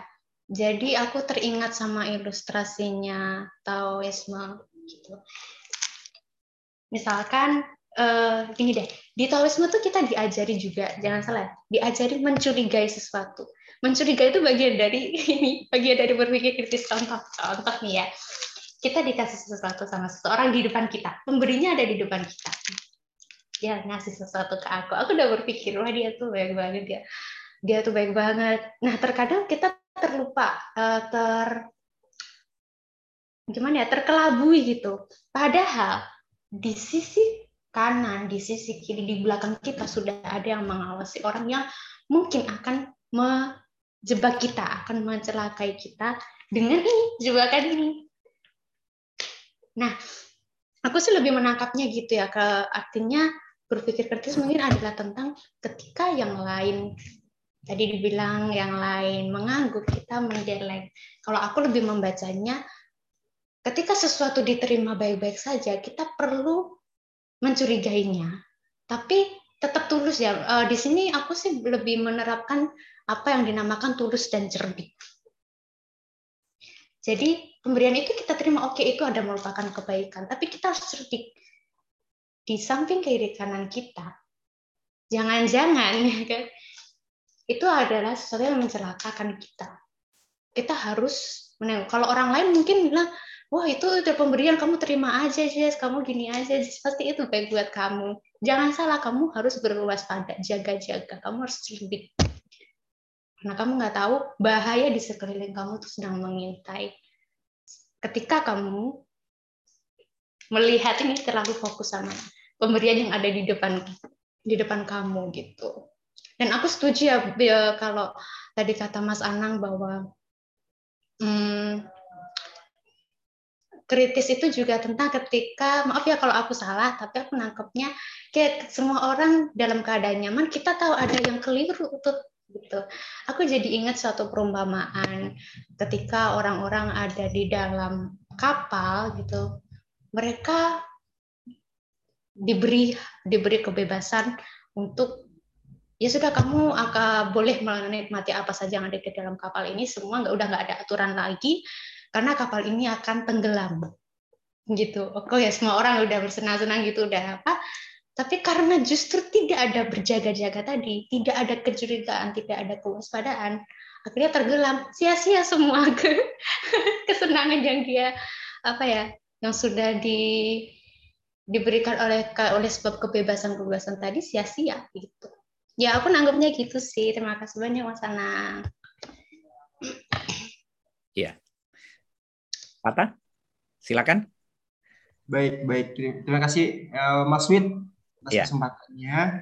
Uh, Baik, barangkali karena kita temanya mengapa berpikir kritis, kemudian sedari awal uh, disampaikan pertanyaan-pertanyaan kritis, barangkali kita juga perlu melakonkannya. Tadi kan Mbak Jessica, uh, saya mulai dari diri saya pribadi dulu. Kadang saya kalau tidak bisa menjelaskan suatu konsep, kadang saya oh begitu menjelaskan kepada orang lain, oh memang begitu. Oh itu tidak bisa diungkapkan dengan kata-kata. Ada kalau saya pribadi. Nah, apakah mungkin kiranya, misalnya ungkapan bahwa keterbatasan kata-kata untuk menjelaskan tentang konsep Tao dan empty dan empty dan empty empty emptiness cuma barangkali apologi atau dalih para filsuf timur atas keterbatasan pikiran dan ketidakmampuan untuk mengungkapkan tentang konsep Tao.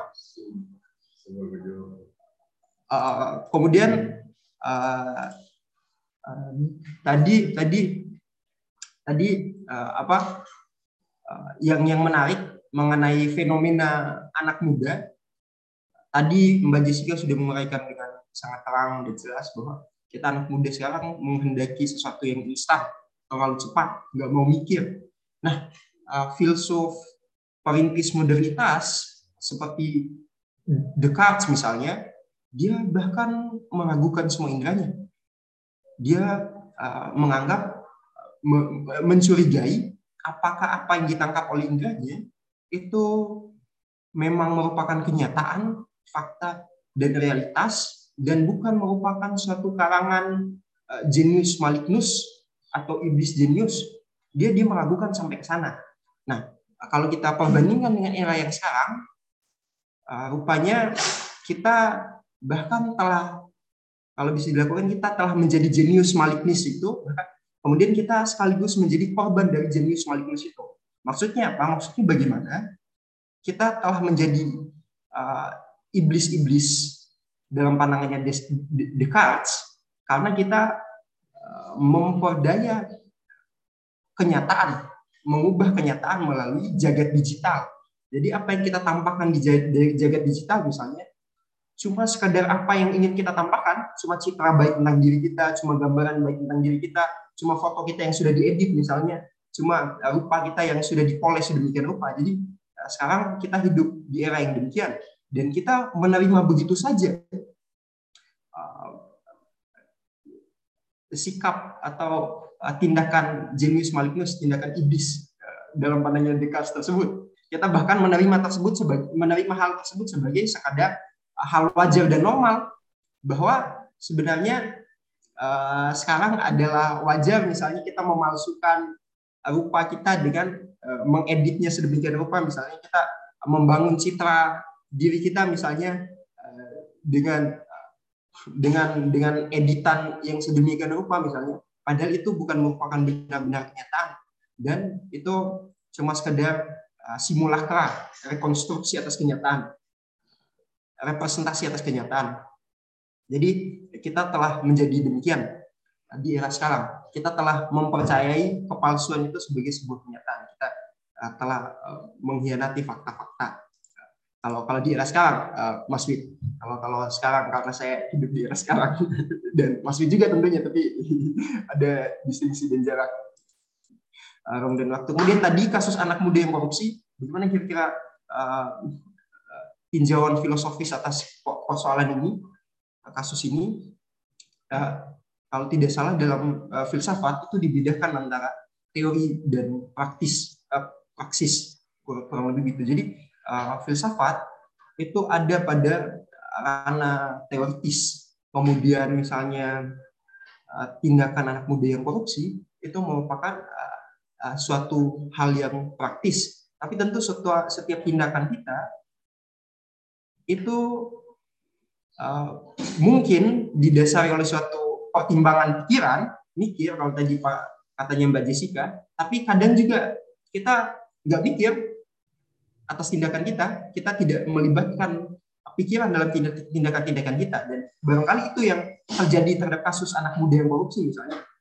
Uh, barangkali adalah benar apa yang disampaikan oleh Mbak Jessica bahwa karena dia malas mikir atas konsekuensi tindakan yang dia lakukan, maka dia melakukan saja hal tersebut tanpa memikirkan konsekuensinya. Nah, sekarang dia harus menanggung konsekuensinya. Nah, barangkali uh, tadi kalau dipertanyakan tentang apa kira-kira apa kira-kira uh, uh, hal praktis yang bisa dilakukan untuk mencegah hal-hal semacam itu terjadi. Ya, tadi telah diterangkan oleh Mbak Jessica, ya barangkali sebelum melakukan hal-hal sesuatu semacam itu kita mikir-mikir uh, dulu mempertimbangkan mempertimbangkannya kembali menggunakan uh, rasio kita. Kemudian tadi uh, apakah kita yang ya, tadi uh, uraian menarik kalau dari Mbak Jessica kan sedari awal menggunakan perspektif filsafat uh, timur nah, dalam filsafat barat itu tadi tadi yang saya jelaskan di awal Descartes itu bahkan meragukan indranya kenapa lahir ungkapan termasyur yang sering anak muda dan mahasiswa itu kutip itu cogito uh, ergo sum misalnya itu karena proses menyangsi, meragu, mengkritisi segala realitas, segala eh, fakta-fakta, bahkan indranya sendiri. Dan dia sampai pada satu kesimpulan bahwa keraguan-raguannya adalah satu hal yang tidak bisa diragukan. Pikirannya adalah hal yang tidak bisa diragukan. Makanya lahir ungkapan uh, cogito uh, ergo sum atau aku berpikir maka aku ada. Kemudian tadi uh, Mas Anang itu menarik memperjelas alur diskusi kita apakah kritik memang ada yang sifatnya dekonstruktif. Justru saya secara pribadi berpandangan bahwa kritik itu memang sifat dasarnya dekonstruktif. Dia membongkar, dia uh, mencari permasalahan, dia menyalahkan, bukan menyalahkan maksudnya. Dia dia uh, menyingkap apakah suatu hal itu memang benar mas masalah atau bukan. Eh, itu itu kritikan tadi di awal kalau misalnya Mas Widodo telah membuka diskusi kita dengan dengan mempertanyakan kapan misalnya aktivitas berpikir itu disebut berpikir kritis. Saya menyampaikan bahwa aktivitas berpikir itu disebut berpikir kritis, manakala kita bisa menyoal apakah suatu yang kita anggap masalah memang benar-benar merupakan Kemudian tadi uh, yang menarik uraian Mbak uh, Jessica tentang uh, konsep karena, konsep gue tadi bahwa jangan ada karena sebab dalam tanda kutip ya karena dalam tanda kutip sebab karena itu sifatnya uh, bermasalah. Nah dalam uh, pandangan uh, filsafat Barat, Immanuel kan juga uh, membahas hal-hal yang kurang lebih sama tentang filsafat moralnya bahwa sesuatu yang bermoral itu adalah sesuatu yang tanpa karena, tanpa motif-motif, tanpa intensi kewajiban-kewajiban moral. Uh, tadi juga disampaikan dalam dalam dalam di, di Indonesia misalnya kita punya konsep eh, kita punya kata ikhlas untuk mengungkapkan hal tersebut misalnya. Kita punya kata ikhlas untuk mengungkapkan hal tersebut. eh, karena kata-kata itu rumah bagi segala yang ada bagi eh, kalau katanya Martin Heidegger kemudian jadi kalau kita melakukan sesuatu misalnya sebagaimana tadi konsep cinta yang disampaikan Mbak Jessica itu akan ikhlas akan tidak bermasalah kalau semisal itu dilakukan tanpa kamu, tanpa motif-motif lain, tanpa pamrih. Simpelnya gitu. Terima kasih eh, Mas Wid atas kesempatan yang saya kembalikan. Ya, saya sampai terpesona ya menyimak dua pendapat filsuf ini ya. Baik, di sini sudah ada beberapa pertanyaan lewat kolom chat ya. Jayadin jika berpikir kritis. Jayadin masih mudah-mudahan masih bergabung ya sebagai partisipan ya. Saya bacakan pertanyaan Jayadin.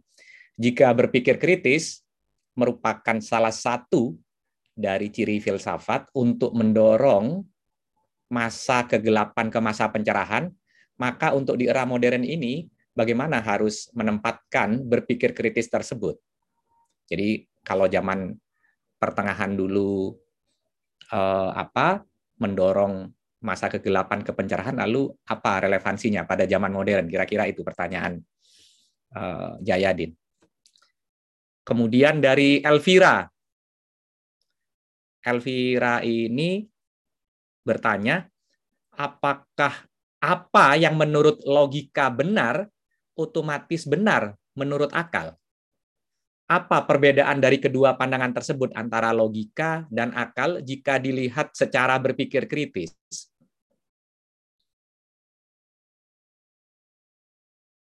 Ya, itu dulu. Di sini ada yang eh, tadi Mahardika ya, Mahardika menurunkan tadi saya mau panggil Mahardika masih ada di sini Mahardika? Ya, silakan Mohon Mahardika. izin, Pak, masih ya, ada, Pak. pertanyaan kolom chat, silakan.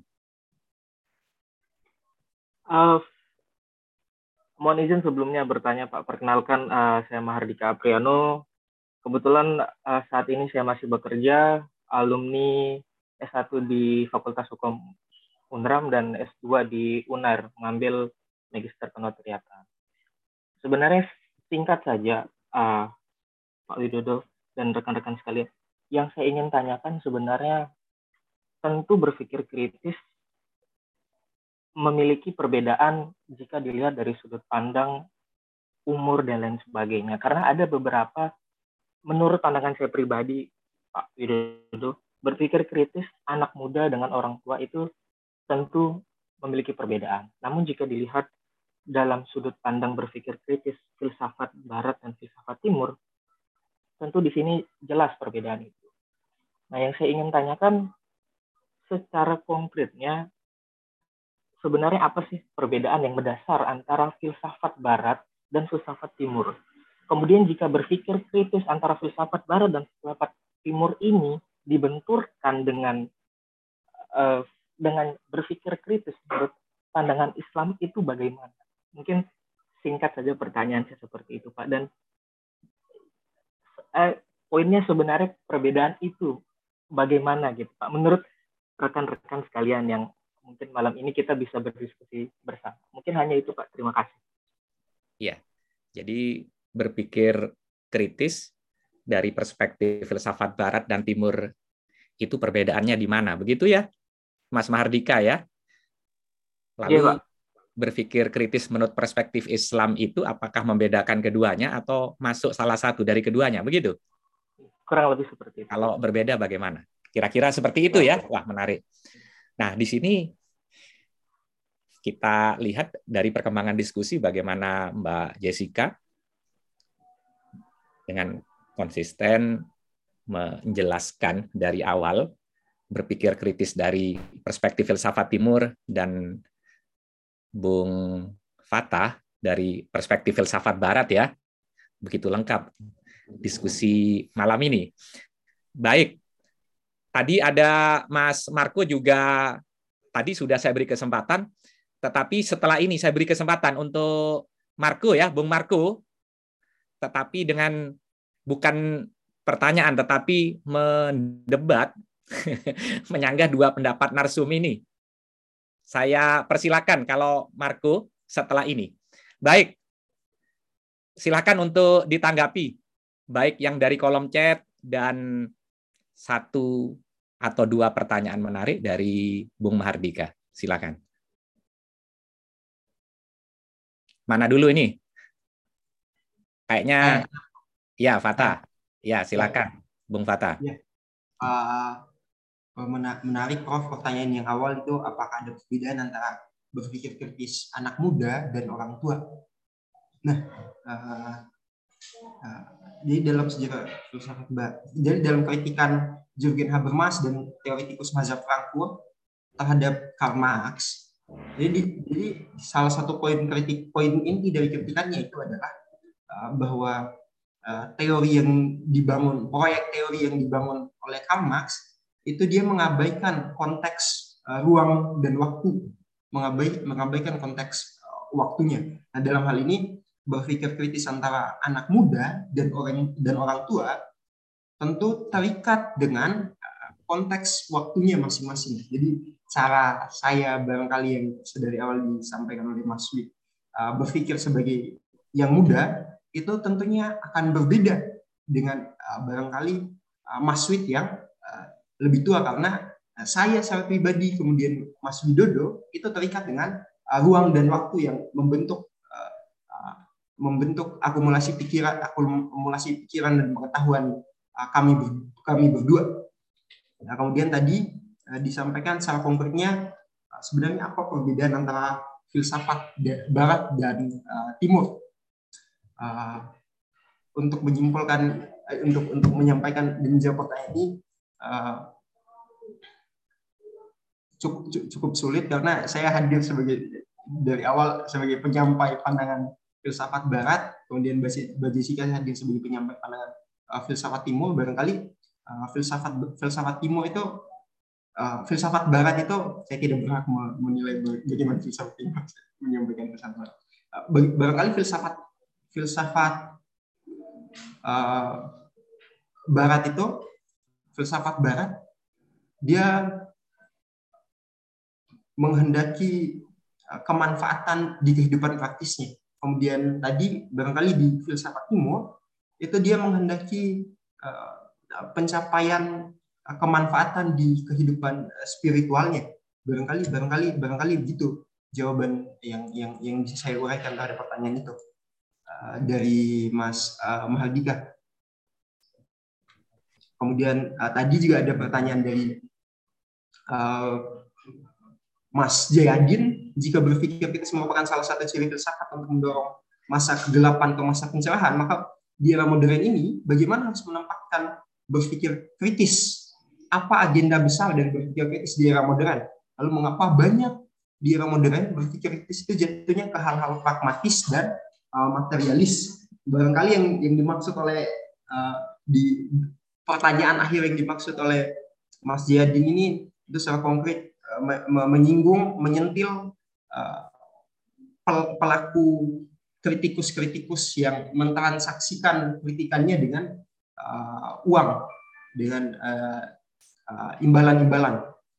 Nah, yang barangkali bisa dijawab dari pertanyaan ini, di era kita kita sudah demikian menerima dan meyakini semua yang ditangkap oleh indera-indera kita. Padahal tadi saya sempat menyampaikan, kemudian Mbak Jessica juga menyampaikan, permasalahan, persoalan justru banyak datang dan timbul dari uh, indera-indera kita. Descartes bahkan meragukan keseluruhan inderanya sampai lahir ungkapan aku berpikir maka aku ada. Nah, uh, sekarang uh, berpikir kritis itu harus kita tempatkan untuk meragukan, bukan apa apa untuk meragukan apa yang tertangkap oleh indera kita, apa yang diserap oleh indera kita. Karena tadi di era sekarang kita bisa dengan bebas mempermak diri kita, membangun citra kita.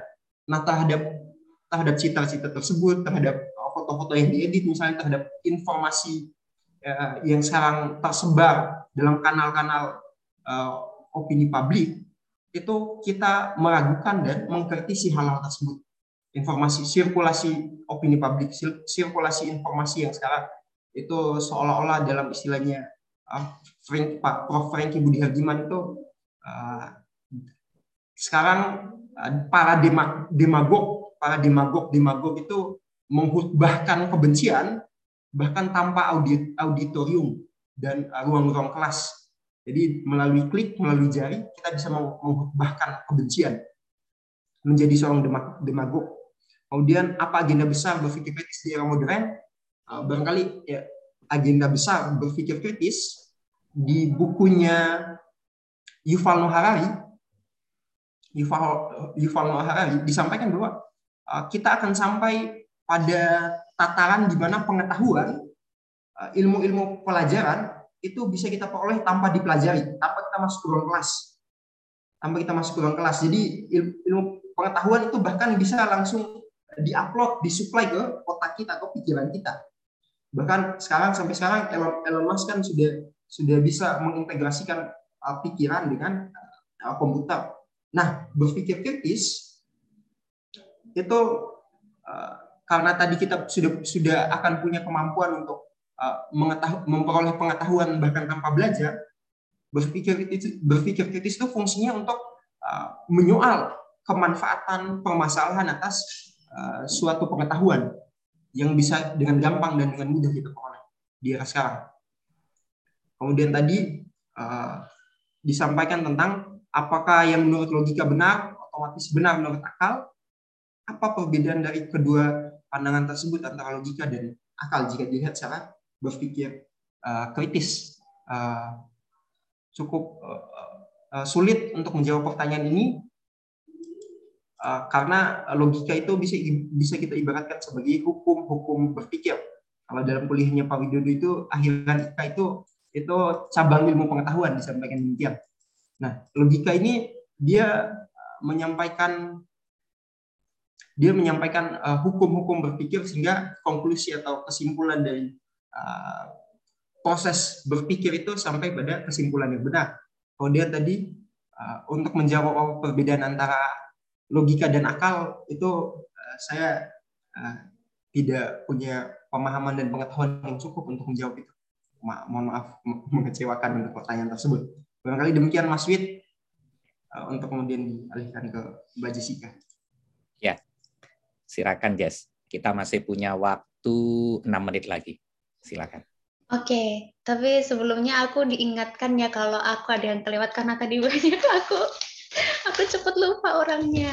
Oke, tadi tentang uh, ini ya, aku mungkin mau jawab yang mana sih tadi tentang kalau di era sekarang itu apa sih PR eh, besarnya berpikir kritis kalau dulu itu kan mendorong dari kegelapan menuju pencerahan gitu. Ya kita sesuaikan sih ya sama konteks sekarang, konteks sekarang dan sesuai dengan tema kita anak muda itu kan tadi ya aku singgung instan dan kayak hanya mau nyamannya aja gitu.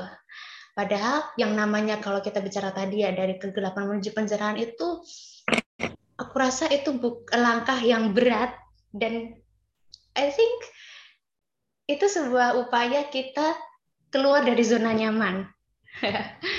nah, masalahnya masa uh, kalau anak muda sekarang tuh kayak mau terima nyamannya aja. Termasuk tadi kayak ngapain berpikir dalam-dalam sih gitu. Hmm, aku sih memikirnya kalau PR besarnya, tugas besar dari berpikir kritis untuk era saat ini adalah mendorong anak-anak muda untuk nggak keluyuran tapi kembalilah ke dalam.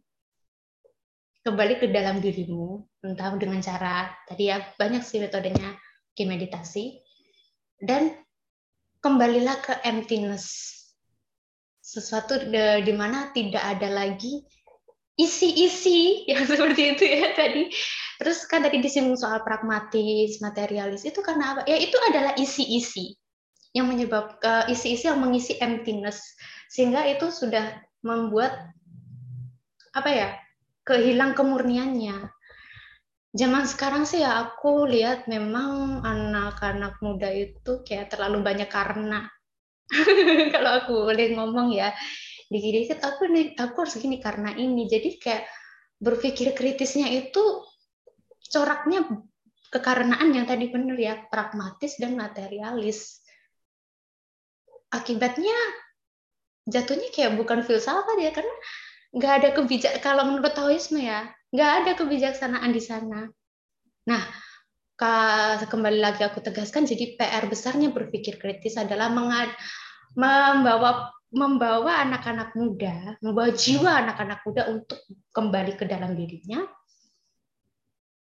pusatkan pikiran ke emptiness tadi. Soal pragmatis materialis itu di di ini ya berarti steril dari semua itu. Kalau aku sih gitu. Terus tadi soal apa ya? Apalagi tadi? Oh ya logika dan akal itu bedanya apa? Sorry, tapi sejauh aku belajar Taoisme, mungkin eksplorasi, eksplorasi aku yang kurang atau pemahaman aku yang kurang juga.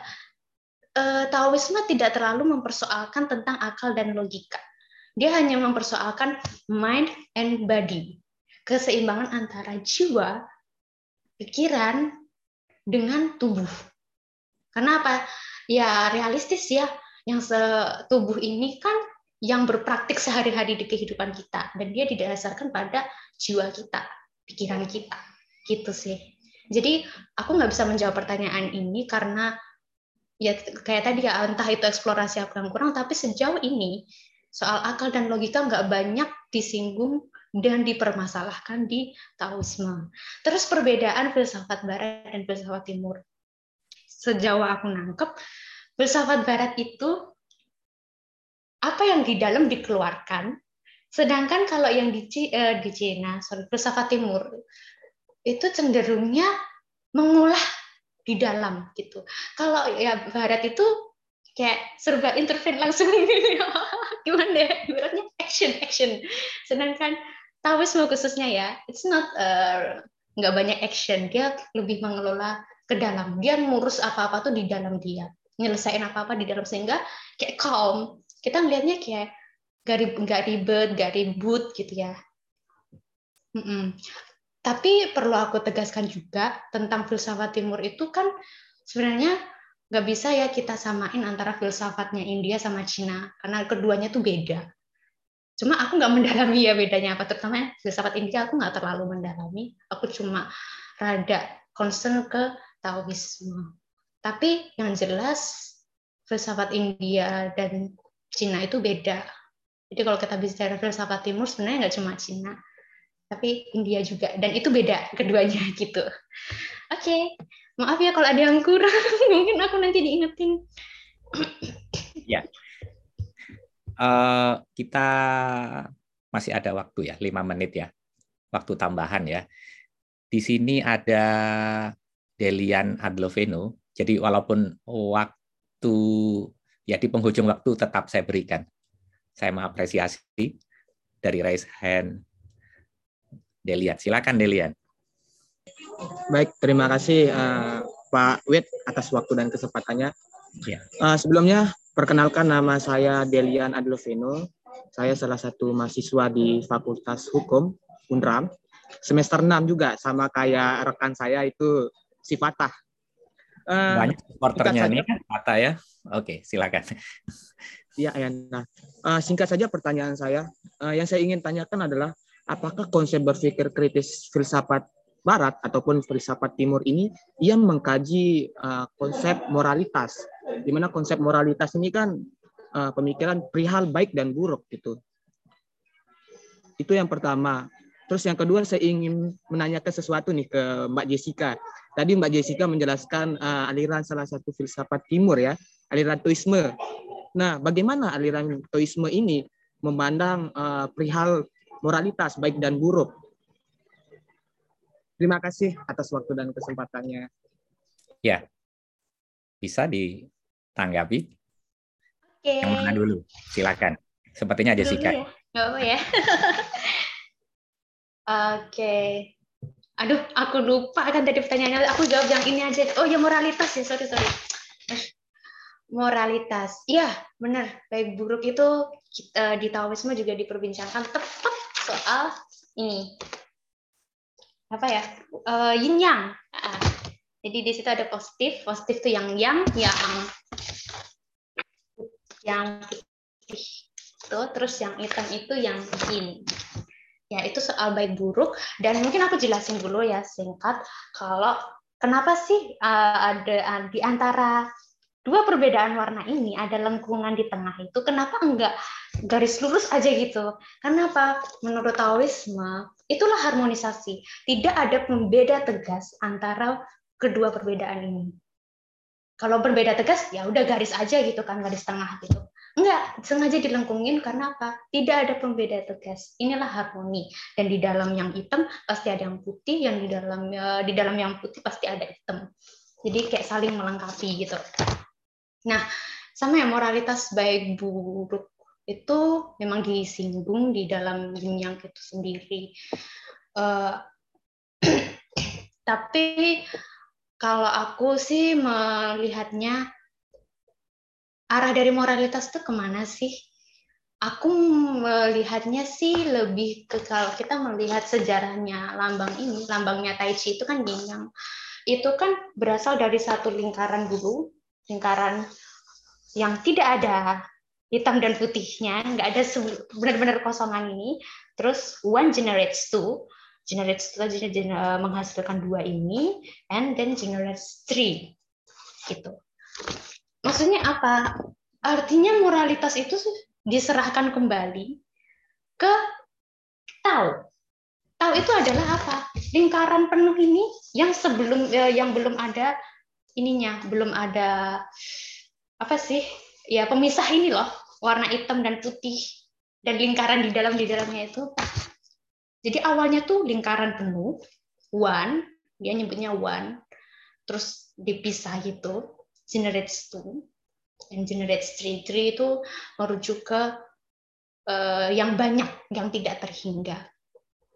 Moralitas itu adalah yang utuh tadi yang tahu kehendak langit ya se apa ya se sekabur itu gitu. Kalau aku boleh bilang ya emang konsepnya tahu itu kayak gitu sekabur itu tapi dia menganggap bahwa baik buruk itu harus ada. Jadi dalam kehidupan ini mau orang itu sebaik apa pun dia pasti ada celah ininya uh, di ininya. Misalkan dia orang jahat banget kayak apa dia tuh kayak nggak baik banget lah pokoknya. Padahal mungkin sisi baiknya ada, dia ada sisi putihnya. Mungkin dia adalah penyayang binatang, ya kan. Sedangkan yang ini, orang yang mungkin baik banget, kita ngelihatnya tuh baik banget, tapi dia mungkin psikopat juga bisa ya, ada sisi hitamnya. ya, eh, moralitas sendiri, eh, baik buruk itu memang harus harmonis dan eh, memang harus diimbangi dengan lawannya uh, baik harus diimbangi dengan buruk, buruk harus diimbangi dengan baik gitu. Tapi kesemuanya mengarah pada keutuhan uh, sebagaimana tadi aku singgung soal emptiness gitu. Baik. Silakan. Fatah. Baik, uh, terima kasih Mas Wid. Uh, sebenarnya dari awal uh, alur alur diskusi kita sampai pada kurang lebih konklusi bahwa berpikir tadi disampaikan juga bahwa berpikir itu adalah uh, kegiatan uh, berpikir di luar tuntunan tradisi dan otoritas. Nah, uh, dalam hal ini uh, saya hendak menyampaikan kalau tadi ditanya oleh uh, Bang Delian, uh, kawan sejawat saya, bahwa bagaimana kira-kira pandangan berpikir kritis uh, dalam menilai moralitas. Nah, Immanuel Kant, filsuf filsuf Jerman, filsuf filsuf Jerman si Jomlo yang rendah hati itu si Jomlo yang rendah hati si Jomlo yang rendah hati itu menyampaikan uh, dia sampai menulis buku tentang itu. Uh, dia menulis buku tentang dia menulis tentang pembagian tindakan-tindakan atau pertimbangan baik buruk pertimbangan moralitas. Jadi dia membagi dua ada imperatif uh, hipotetis dan imperatif kategoris. Nah, imperatif hipotetis itu sesuatu yang dikatakan bermoral, sesuatu yang dikatakan baik, itu kalau misalnya dilakukan tanpa uh, ada karena kayak yang disampaikan sama Mbak Jessica, kayak nggak ada tanpa pamrih, tanpa tujuan lain, tanpa niat lain, tanpa maksud lain.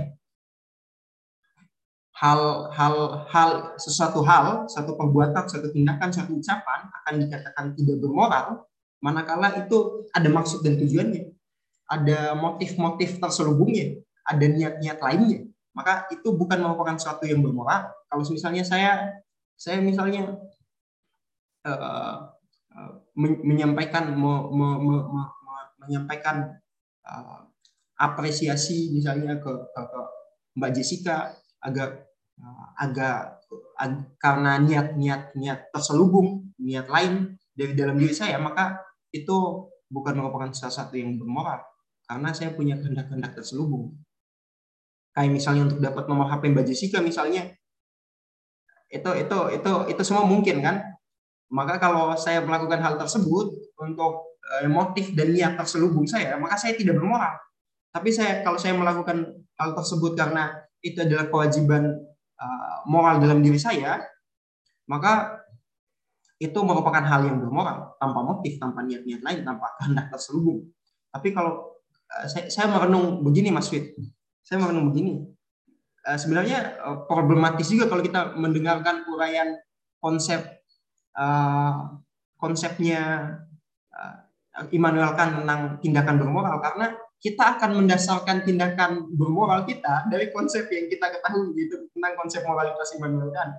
Apakah setelah mengetahui konsep moralitas Immanuel Kant dan kita melakukan berdasarkan tuntunan dan konsep konsep Immanuel Kant, apakah kira-kira tindakan kita akan bermoral atau atau atau itu tidak akan bermoral karena kita sudah tahu kita belajar itu dari Immanuel Kant dan lain sebagainya.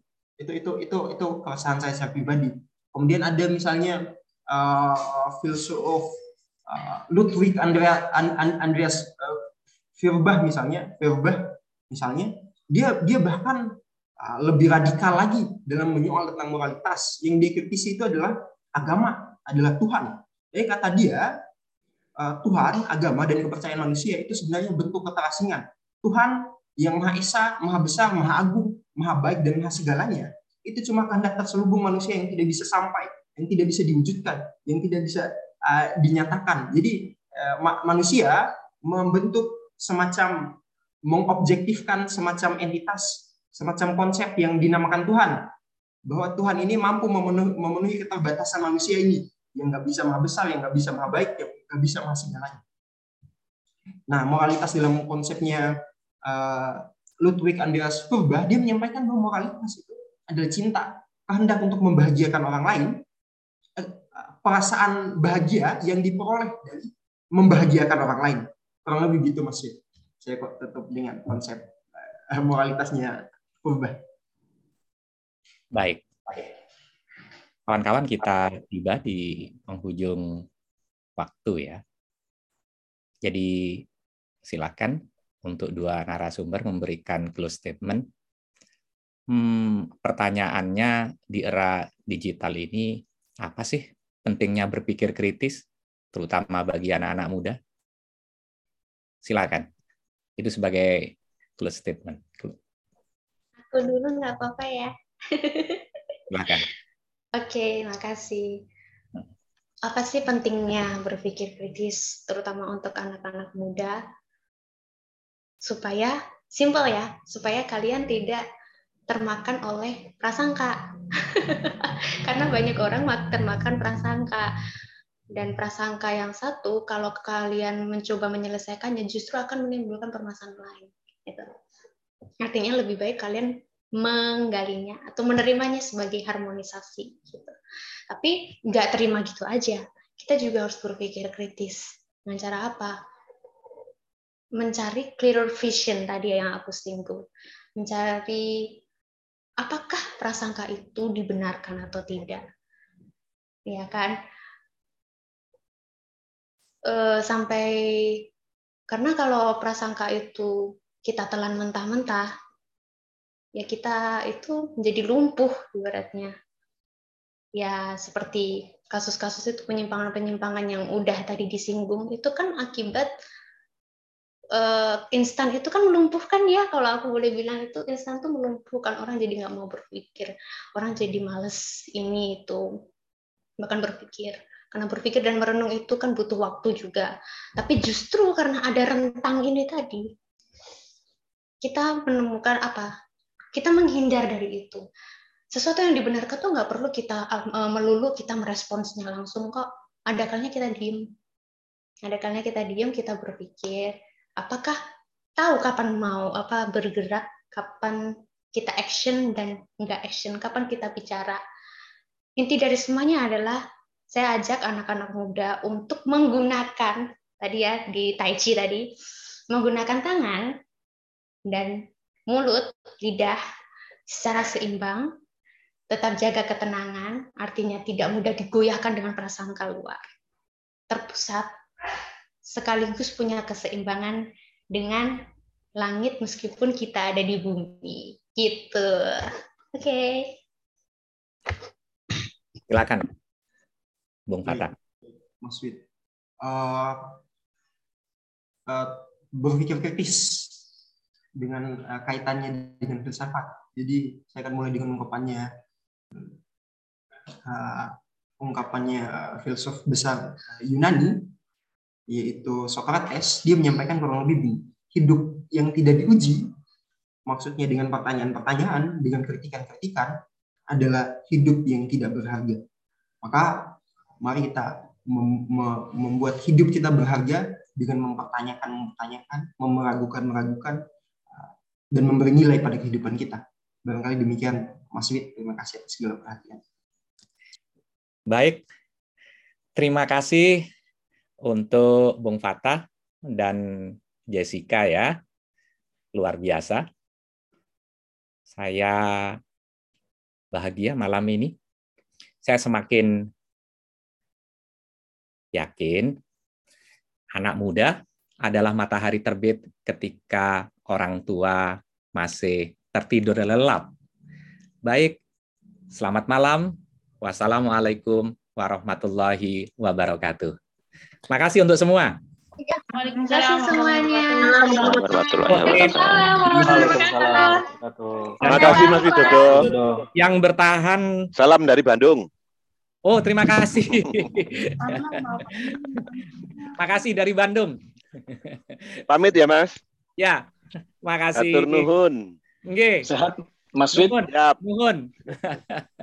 Mas Wid sehat. Ya. Oh, sehat. Assalamualaikum. Pak Subelo. Guru saya. Ya, makasih. Siap, sama Pak Anton ini. Sama Pak Anton. Mana beliau yang Masa ini nggak kelihatan? Ada barusan Pak Dekan. Oh iya iya iya. Ya ya Mas Anton. Ini Para guru saya. Mas Wid ini pembicaraan